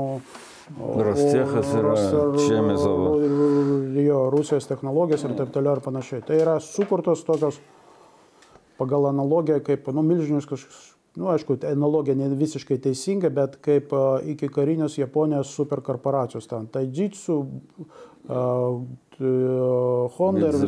Mitsubishi. O šiaip e, Putinas e, atskirų oligarchų, ypač tokių, kurie kažką turi, gali pasakyti nemėgsta. Ir kai kurie oligarchai dėl to ir kalėjime sėdėjo. Ir dabar yra labai aiškus ratas oligarchų, kurie yra prie jo. Daugumą prisitaikė, du ten Khodorkovskis dar Bet kažkas jų nedaug. e, Būtent, taip, taip. o tas yra. Du ar trys buvo. Kurie... Yra ten daugiau, apie dešimt pavardžių, tai vat būtent jie faktiškai yra tie valdytojai Rusijos pramonės ir ten iš šono kažkoks kitas privatus, kuris darys kažkokį karinį užsakymą. Gali, bet kaip subrangovas. Matėm Kažkokio filmuką, ginklo, matom filmuką, kai atvažiavo į gamyklą ir liepė išmokėti algas. Nesiklausant, kad ten aiškino vietinis direktorius, kad pinigų neturim, pasakė išmokėti ir viskas. Gerai, e, supratau. Tai iš principo koncernai jie konkuruoja, jie, jie tarpusavyje. Ir čia ne Turkija, nes Turkija irgi yra įmonės, kurios daro panašų produktą. Pavyzdžiui, Otokaras ir FNSS į lygiagrečiai vystė kovos mašiną. Ir aš tada jau pats klausinėjau turką, ar nedidelė prabanga turėti dvi įmonės, kurios tą patį daro. Ir atsakymas buvo, jos daro iki prototipo, po to yra išrinkamas ta konstrukcija, kuri yra perspektyvi, jinai yra gaminama, bet anas irgi nebankrutos. Taip sakant, ten samoningai yra leidžiama. Rusijai buvo laikotarpis, kada rankinis valdymas ekonomikos pasibaigė. Na ir tada jau prasidėjo toks, visko ten buvo su nusikalstim struktūrom įeinančiam. Atrodo, dabar šitas yra tvirtai paimta į valstybės rankas. Reikia tik tai atkreipti vieną dėmesį, kad... Tai yra a, Kremliaus valdymo. Visada. Sakom, valstybė, suprantam. Suprantam, Putinas ir jo aplinka. a, sakysim taip, nu, Rusija monarchija. jo, bizantiško tipo. Arba vėlyv, vėlyvas, vėlyvas, reiškia, ro- vėlyvas Romos. Bet nesmė. Esmė yra dar, kas liečia ekonomikos, dar vienas momentas - aftarkija. Tai yra galimybė užtikrinti iki 100 procentų, reiškia, karinės pramą, imų karinių prekių, reiškia, a, reikalavimus. Gamyba Rusijos viduje. Su šitą, su pas Rusiją, Rusija yra didelės problemos. Pavyzdžiui, elektroninė bazė. Tai yra silpnoji vieta. Nors, reiškia, jie ten dabar investuoja į tai, bet vis dėlto daugelis a, e- e- elektroninių dalių yra gaunama per Kiniją, jau iš Kinijos reiškia per Taivanę. Nu, bet jie stengiasi tai daryti. Pavyzdžiui, paskutinis variantas tai, kad Rusijos valstybinėms įmonėms uždrausta pirkti užsienyje pagamintos kompiuterinė ir elektroninė technika, jeigu yra bent vienas rusiškas atitikmuo. Klausimas. Ar šitas nurodymas vyriausybės bus įvykdytas 100 procentų, ar kaip visada Rusijos įstatymo žiaurumas kompensuojamas a, a, nesisteminiu jų taikymu. Jūs kalbate ir apie karinę pramonę, ta Rusijos. Ne, čia, Tai kalba, čia šiuo atveju aš kalbu apie valstybės valdymo institucijas. Bet a, kariuomenė neįeina į šitą. Kariuomenė, kariuomenė, taip ne. Apie kariuomenę kol kas ne. Kariuomenė turi savo sistemą. Sistema reiškia patikros. Bet iš to yra problemų. Taip. Iš to yra problema, kadangi dabar matosi, kad pagrindinė Rusijos aplamai visas ka- karinės techninės problema iš tikrųjų yra varikliai. Nu, lėktuvų varikliai, laivų varikliai, net ir tanko. Kodėl T-14 yra toks lėtas ir atrodo lyg tai pasitam, kaip galingumo jam trūksta. Ir šitą būtent pagrindinis problemas, kodėl taip lietai vystosi. O su laivų variklis iš vis katastrofa. Jie ten dabar komercinius kiniečių variklius perka ir stato į savo laivus, kurie yra nu, silpnesni, resursas netoks, galingumas netoks. Todėl jie, tas, problem- jos nėra naujas tos problemos iš tikrųjų. Ir civiliniam sektoriui apeina tas problemas. Bet kariniam sektoriui būtent dėl reikalavimo, kad viskas būtų Rusijai, tai o, todėl visada rusiška technika yra sunkesnė ir didesnė.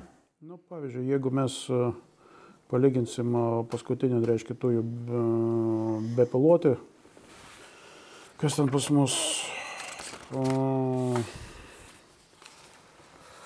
reiškia Orioną ir e, TB2 Bayraktar. Mhm. Iš Turkų. Turkų ir. Taip, taip, taip. taip. Turkų. Tai Orionas jis yra sunkesnis, bet turi tą patį greitį kaip ir Bayraktaras, tas pats uh, skrydimo aukštis. Viskas iš esmės tas pats. Čia būtent aš man darau prielaidą dėl to, kad jie pritaiko vietinės technologijos savo tikslams pasiekti. Nu ir pats, reiškia, lėktuvas yra didesnis pagal savo matmenis. Mm, Saliginai nedaug, bet taip yra. Tas pats, pavyzdžiui, kas galim, galim, ką mes galim pamatyti, reiškia, studijuojant nuotraukos numuštos technikos. Forpost R. Tipo bepilotis orlaivis, numuštas virš Alepo, ne, ne virš Alepo, vienu žodžiu, Sirijos šiaurė. Laimin. Ne, ne, ne, ten buvo būtent sukilėlių kontroliuojamoje provincijoje. Sujungimas, pats sujungimas, reiškia blokų, padamintas taip, kaip buvo gaminamas 70 metais. Reiškia laidas, įstatai kištuko, užsukiu. E, Galima juoktis, bet tai Bet veikia. veikia. Taip. Jeigu tai veikia, jeigu tai užtikrina kovinių užduočių įvykdymą, reiškia tai netiek juokingai, ypatingai jeigu jie iškviečia artileriją ant tavo galvos. Nu, taip. Žiūrėk, k- Siriją palėtėt. Pereikim prie konfliktų patirties. E, Reikia. e, Tarkim, vat, Sirija. Ar Rusijos operacijos Sirijoje, kalbant apie oro kosmoso įvairias na, pajėgų lygį, kuris buvo vat, ir, ir oro pajėgų ypač, e, ar, ar ta pažanga yra lyginant su, na, nežinau, Gruzija, Čečenija, ar ji yra, na, akivaizdi ir, ir, ir kur pagrindinė pažanga? Yra, yra. Yra Sirijoje jau yra. Ir kiek tai yra, atsiprašau, kiek tai yra propagandos, nes visą laiką rusai, žinot, kai pateikia savo, tai Taip, reikia dar per tą. Jų televiziją žiūrint iš tikrųjų atrodo, kad pažanga baisi, bet e, koreguojamas bombas e, buvo išbandytos, e, buvo parodytos. Todėl jie šitoje vietoje pasiekė spetspaėgų įrangą. Čia filmukę galim pažiūrėti, jeigu ten neinscenizuotas filmukas aplamai nuo pradžios iki galo, tai priešakiniai stebėtojai su visa ta įranga, kuri tam turi būti. E, Aišku, jų aviacija, kas liečia panaudojimą taktinis, pavyzdžiui, aš sakiau apie tą Kuznecovą, kur buvo du lėktuvai prarasti. Jie galėjo nusileisti į Maiminį, bet kažkur vadovavime kažkas įstrigo, buvo pasakyta leistis lėktuvnešiai ir gale nukrito į jūrą. Niekas nežuvo, bet pra- prarado. Šiaip ten yra kitas aspektas, mano manė, svarbesnis. Tai labai daug karininkų praeina e, Sirijos e, kaip ir stažuotė ar praktika Sirijai. Ir tas yra e, didelis įvykis, nes daug kas tiesiog pamato, kaip atrodo realiai. Ir iš to būtent iš Sirijos gali būti pokyčiai ir kariniai technikai. Jie ten ir uraną testavo, ir tą bepilotį, ir ten permetė terminatorių, šarvuotą mašiną tankų rėmimo. Nu, tiesiog prasitestojo. Ir tokiam poli- Taip, Kitaip, truputį, truputį kitokios aspektų. Manau, negalima lyginti operacijos Sirijoje, besivystančios operacijos Sirijoje ir, pavyzdžiui, Čečenijos karo. Čia skirtingi konfliktai. Ne, tai faktas, bet iš, iš technologinės pusės. Iš technologinės a, kara, karas, kaip teisingai pasakė ponas Arturas, visada yra karo laukas, visada yra poligono laukas. Aš atkreipčiau jūsų dėmesį į tai, e, kad ar buvo pasiekti tikslai. Koks tikslas e, Rusijos reiškia įsikišimo į šitą konfliktą? Aš dabar nekalbu apie galimus politinius, bet kalbam ant to, kas buvo. Reiškia, iki įsikišimo mes visi skaičiavam laiko, kada, reiškia, Bašaro Asado režimas kris. Taip, taip. Buvo toks momentas. Buvo, visi jau buvo šimta procentų įsitikinę, kad dar, dar truputį ir viskas, pabaiga. Bet čia buvo politiniai tikslai. Jo, Rusija įsikišo ir tada iškart politiniai tikslai buvo pasiekti, iš- išlaikyta jo valdžia, sukilėliai atremti. karas ir yra priemonė pasiekti politinį tikslą. Tai šiuo atveju Šiuo atveju mes kalbam apie tai, kaip tai buvo padaryta. Reiškia, visų pirma, tai pirmas karas a, 21 amžiaus, kurie kariauja Rusija.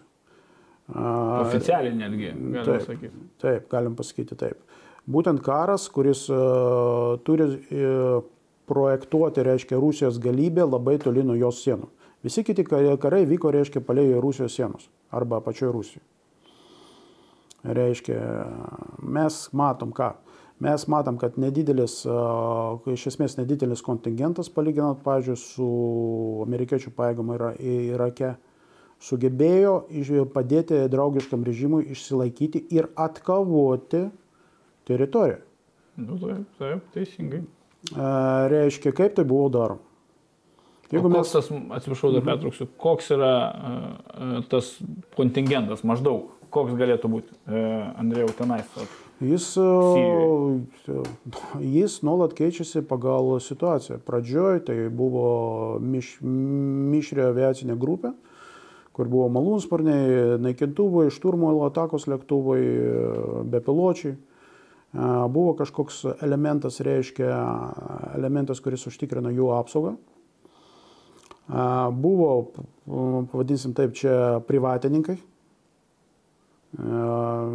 Visi jos vadina Private Military Company, bet reikia suprasti, kad tai neti, nėra atitikmo vakarietiškų Military Company. Pagrindė Wagnerio ir dar ten kitų buvo daug. O Wagneris yra bendras pavadinimas šito reiškinio. Taip, taip bet kol kas mes apie juos nekalbam.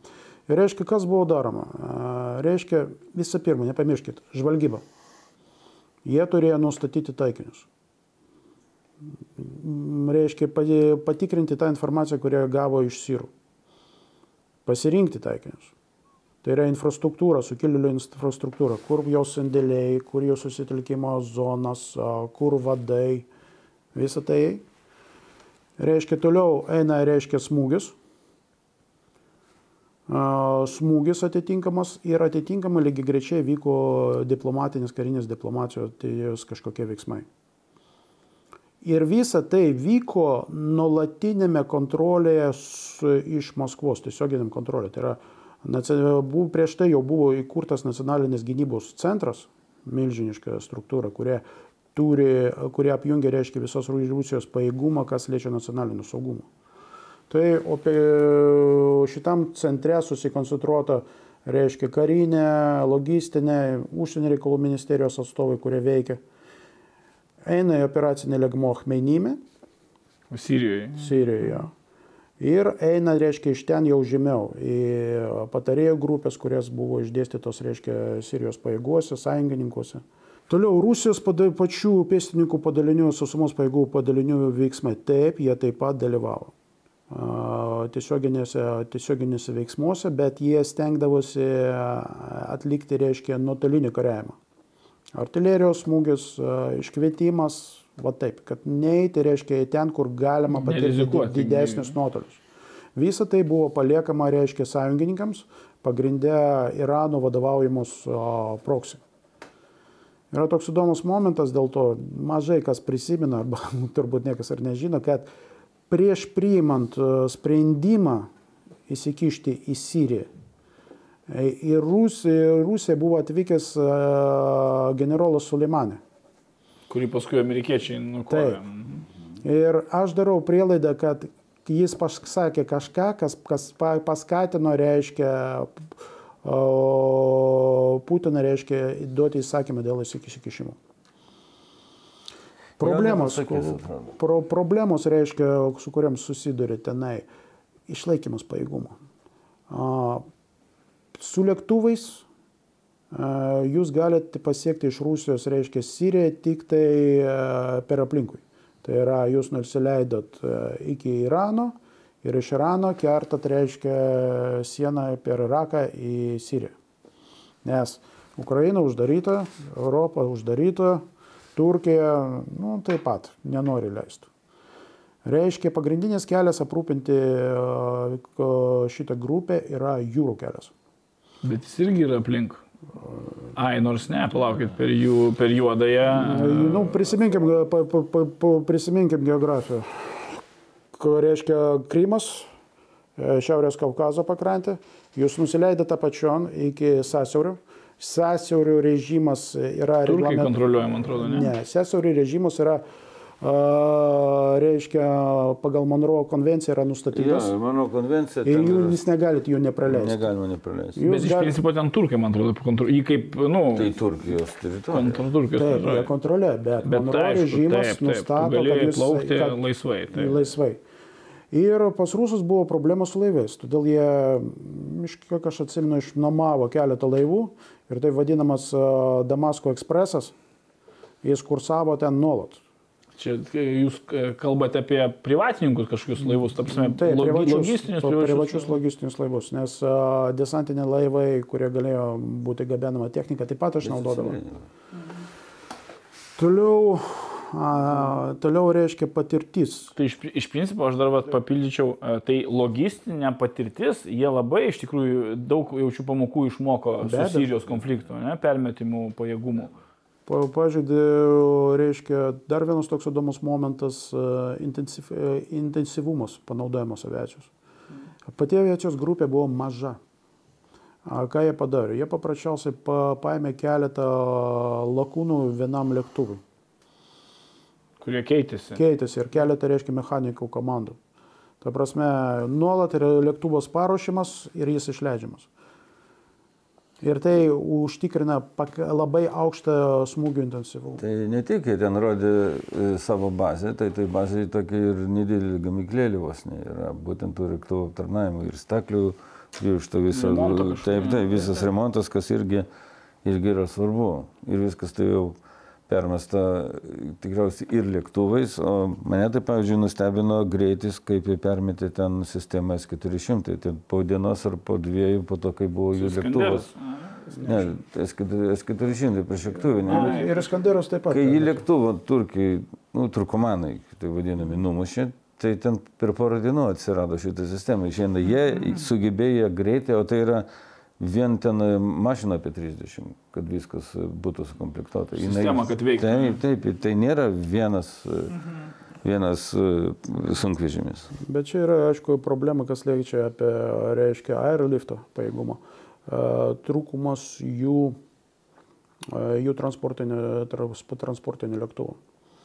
Iš esmės, jie e, pagal savo užmojus jie neturi tiek lėktuvų. Taip. Čia faktas ir čia dar viena vieta aviacijos Rusijos, kur.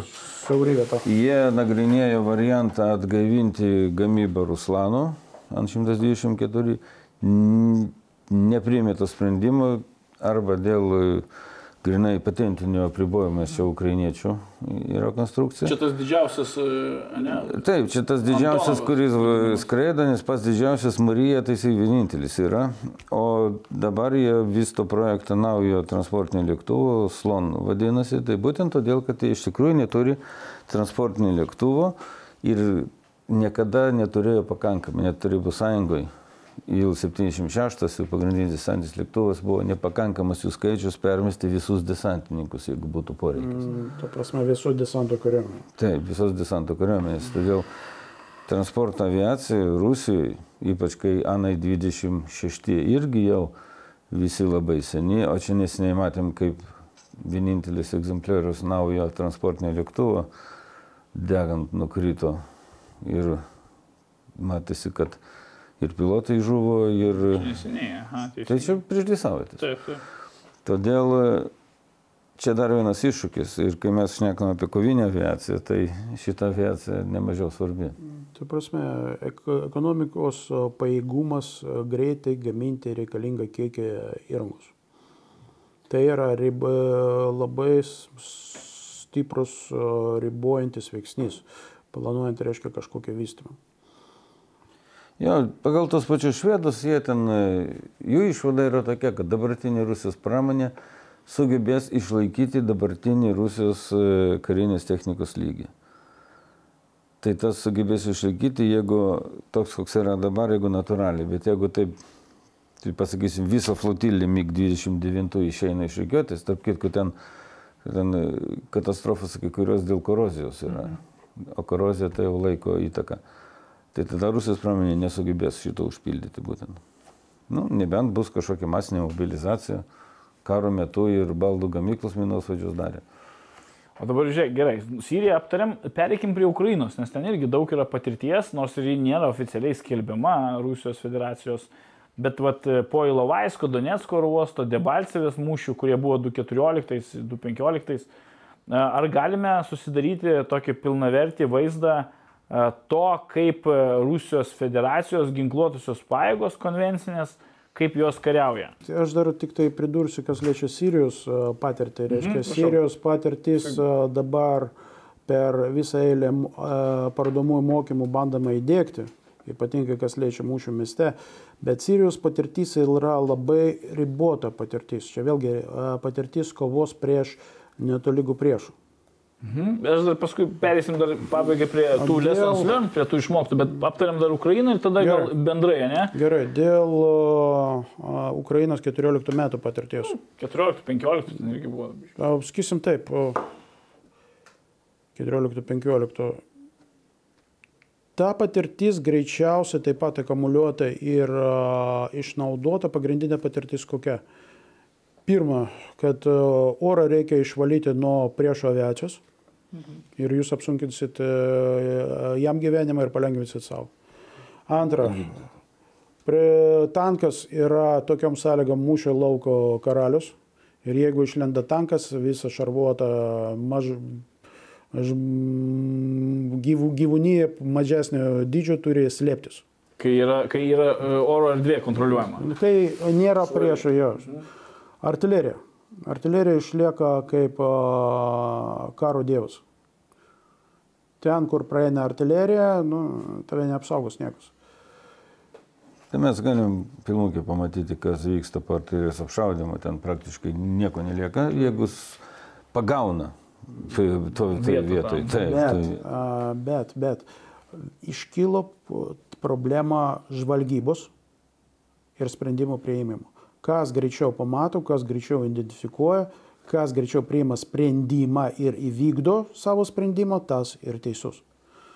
Iš esmės mes atkartojam visas seniai žinomos tiesas. Mes dabar nekalbam apie hybridinį karą, nes aš labai nemėgstu šito apibūdinimo. Tai aš irgi. Tai ir nenaudok. Nes jo galima, taip sakant, pateisinti bet ką. Taip. A, tai va, iš esmės visas šitas senas tiesas. Nu ir plus vadovavimas ir valdymas. Labai svarbu. Jo, mes ten dar, kadangi žiūrėjom kiekvieną dieną, kas vyksta, atsirado tokių savadarbių visokiausių naujovių. Atsirado bandymų duslintuvus pritvirtinti prie bet ko, net yra filmukas prie minosvadžio. 82 mm duslintuvas primontuotas. Bet čia jau partizanų. Partizanai, jo. Ir prie AG-17 duslintuvus. Kadangi atsakomoji ugnis artilerijos gali būti. Ir kas yra naujovė, nu, niekaip nenaujovė. Šiek tiek nustebino Rusijos pajėgumai radioelektroniniai kovoje. Tai vis dėlto kažkada yra toks stereotipas, kad jie tokie primityvūs, ten tik su tankais ir kirviais laksto, o čia ten buvo tokie atvejai, kur net... Ne? ne tik užžemindavo, ten ukrainiečiai pasakojo, buvo kažkoks laivas, kuris stovi visą laiką prie Mariupolio ir net nežinojo, ko jis ten gaudo ir niekaip sugauti negali. Po to, kai patikrino, čia Rusijos e, žvalgybinis laivas su netikra telekomunikacinė sistema, kur perimdavo telefonų skambučius ir patogiai net ukrainiečiai visus spaudė jokių būdų nesinaudoti mobiliais telefonais. Taip, taip, nes iš karto artilerija. Taip, nes jos užveda, nes žinant numerius vadus, užveda artilerija. Bet iš kitos pusės buvo atvejis, kai Ukrainos sraigtasmenis buvo numuštas, liko gyvi pilotai ir todėl, kad jie pasinaudojo vienkartinę SIM kortelę, tai galbūt ir liko gyvi, o ne radio stotim, kurie rusai užpilingotų. Todėl įvairiai būna, bet būtent kontrolė radioelektroninės erdvės Tai pasirodė yra ta vieta, kur rusai turi pasiekimą. O gal jūs dar turit kokiu nors e, konkrečių pavyzdžių, pavyzdžiui, 6 e, tankų brigados 214 vasarą arba ten 5 tankų brigados 15 žiemą, desantininkų, spets pajėgų kažkokių, e, nu, vat, patirčių iš Ukrainos konkrečių. Kas, vat, nu, aš turiu vieną įdomu. nuotrauką, kur yra karys su lėmenė ant motociklų tipo enduro ir staigiai kažkur važiuoja. Šia 14 metų. Taip, ir tai yra situacija, kada įtariu ryšys, vienintelis patikimas, tai būtent taip pasiuntinys su papiriuku, kuris veikia ir man, kada galvoju apie kas būtų, jeigu mūsų pajėgas, pavyzdžiui, už žemės. Nu, aš manau, kad ponas, ponas. Artūras, ponas Artūras, taip sakant, pe- ženkliai perdavė. Vis dėlto aš tikiu, taip sakant, ah, ah, vakarų elektronikos gale. E, Dėl tiesioginės patirties, nu kas e, tiesioginė patirtis, patirtis buvo, patirtis buvo labai skirtinga.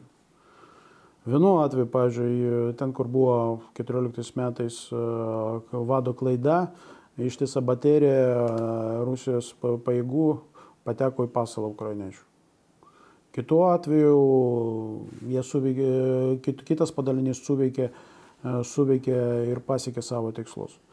Sunku apie tai kalbėti, nes e, atviruose šaltinėse nu, galima tik tai iš nuogirdų dar kažko išgirsti. O tie vat katilai, ne tas kaciol, Donetskis. Nu, čia, mes remiamės dažnai atveju filmuotą medžiagą. Yra filmukas, kur bando iššauti iš minosvaidžio. Ir niekaip neiššauna iš to minosvaidžio. Kadangi amunicija Ukrainos sandėliuose turėjo apie 50 metų senumo. Ir po to gaunasi, kada viskas gerai padarai, bet po to tiesiog neiššauna minosvaidžio svidinys, kadangi jisai pasenęs, ne, tai viskas ir išlieka. Arba k- skaičiau tokį mūšio prašymą, kur ukrainiečių tankas jau atėjo, išėjo prieš jį priešą, jo pasi keturi svediniai viduje ir tie visi prieštankiniai. Ir kas iš to? Praktiškai nieko. Ta prasme, grinai išėjo tokių dalykų, kad dar ir viską reikia aprūpinimą turėti sutvarkytą. Ir vis žinom, kad ukrainiečiai kiek ten, 2600 tankų turėjo, kada subirėjo Tarybų sąjunga, o kai prasidėjo karas, vos 200 sugebėjo sukrapštyti. Ir vienas dar dingo kažkur. Kyivo gamyklui atvežė, atvežė septynis tankus, o po to žiūri šeši. Nu, tai ten dinksta viskas ant kare.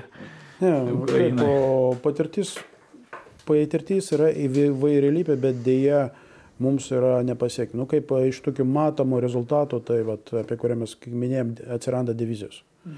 Ta prasme, tas, a, kiek, kaip jau ten vadinu, a, viena žodžiu, tas a, batalionų grupių mūšis pasienį, tai iš esmės tai yra operacijos su ribotu, su riboto tikslu.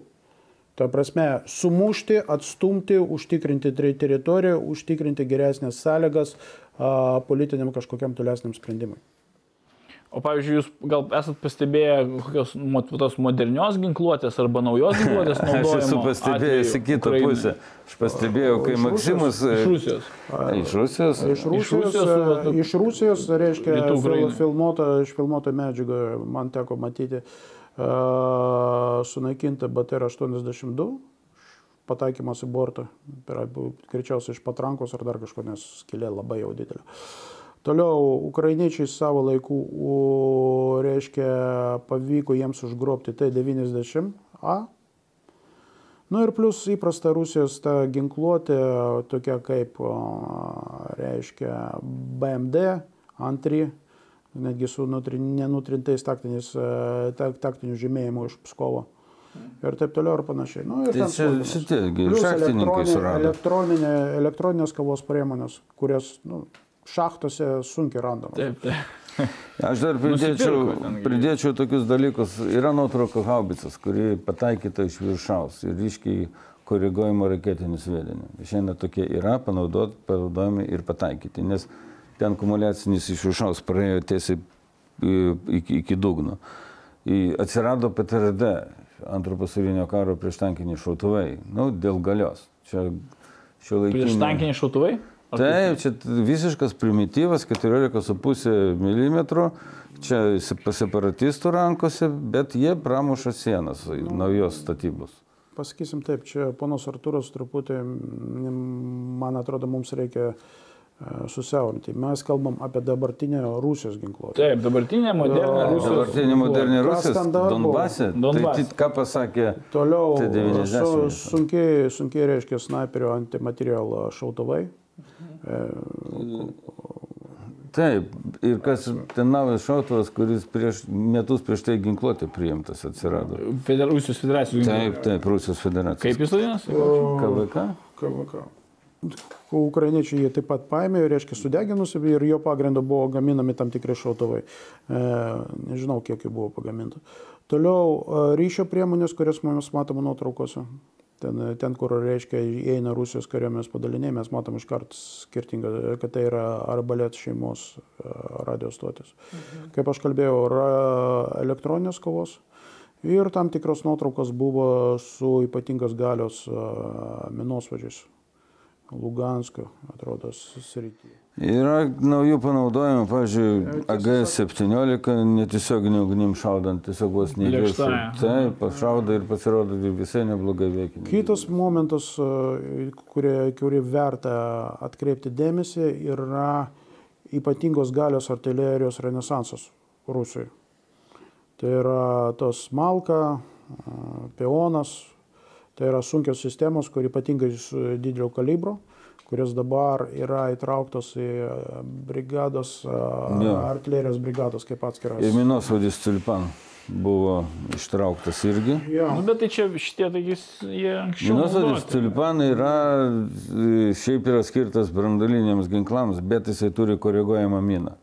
Mm. Ir būtent koreguojamas minos didelė, didelio kalibro, čia Donetsko oro uoste buvo naudojamas greuti pastatus. Ne, Lugansko. Tai aptarėme uh, abu konfliktus - Sirijos ir Ukrainoje, kuriuose dalyvavo Rusijos federacijos ginkluotosios pajėgos. Uh, vienam, aišku, atvirai, kitam kaip ir netiesiogiai, ne neoficialiai. Bet uh, ar yra kažkokios uh, konkrečios, vat, vis tiek išmoksta karinės patirtis, ne? Vat, iš, iš Čečenijos išmoko pritaikė, iš Gruzijos išmoko pritaikė. Va dabar vėlgi du konfliktai, kuriuose dalyvauja ginkluotosios pajėgos Ir koks yra tas Rusijos federacijos ginkluotojų pajėgų išmoktų pamokų procesas, tas vadinamas lessons learned procesas. Jeigu kažką gal žinote apie tai ir ar kiek keičia ir ar keičia, e, tarkim, pulkų, batalionų ko, kovinį rengimą ir, ir e, tą visą kovinio rengimo e, na, ciklą ir galbūt detalės konkrečias taktinės. Ar kokiu nors komentaru gal turite apie šį? Na, pas jūs klausimai kaip į Rusijos gynybos štabo viršininką. Aš dar galiu padaryti tik tai keletą prielaidų, kurie galbūt e, atitiks. Visų pirma, e, Rusijos e, karinis mąstymas, kariniai mąstytojai ir ministerija įvertino sunkių bepiločių naudą. Mes kalbam apie tos bepiločius, kurie angliškai vadinasi Unmanned Combat UAV Vessels. Tai yra nešėjai, tie bepločiai, kurie gali nešti kažkokią amuniciją. Taip. Ir greičiausiai jie dabar bandys, e, reiškia, didinti tokių bepločių kiekį ir mes pamatysim jos, reiškia, jų arsenalą. E, kitas momentas e, - akcentas į naktinės operacijas. Paskutinis polimas Sirijos vyriausybinio pajėgų kurio dėka jie sugebėjo sumažinti, reiškia, sukilėlių kontroliuojamas teritorijas. Vienas iš pagrindinių akcentų buvo naktinės atakos. Tikėtina, kad visa tai bus pritaikyta į Rusijos federaciją. Mūšis mieste e, reiškia šarvuotos technikos panaudojimas kažkokie momentai iš Sirijos ir ypatingos galios, galios artilerijos ir termobarinių sistemų. Vadovavimas ir valdymas. Toliau tobulint jį. Nu ir žvalgyba atitinkamai. Tokios rytis, kurios, kurios daugiausiai turbūt sulaukė išmoktų pamokų. Tikėtina, kad būtent šitos rytis. Na nu ir plus toks momentas pačio personalo rengimo. Pagal Rusijos nuostatų, ministerijos nuostatos,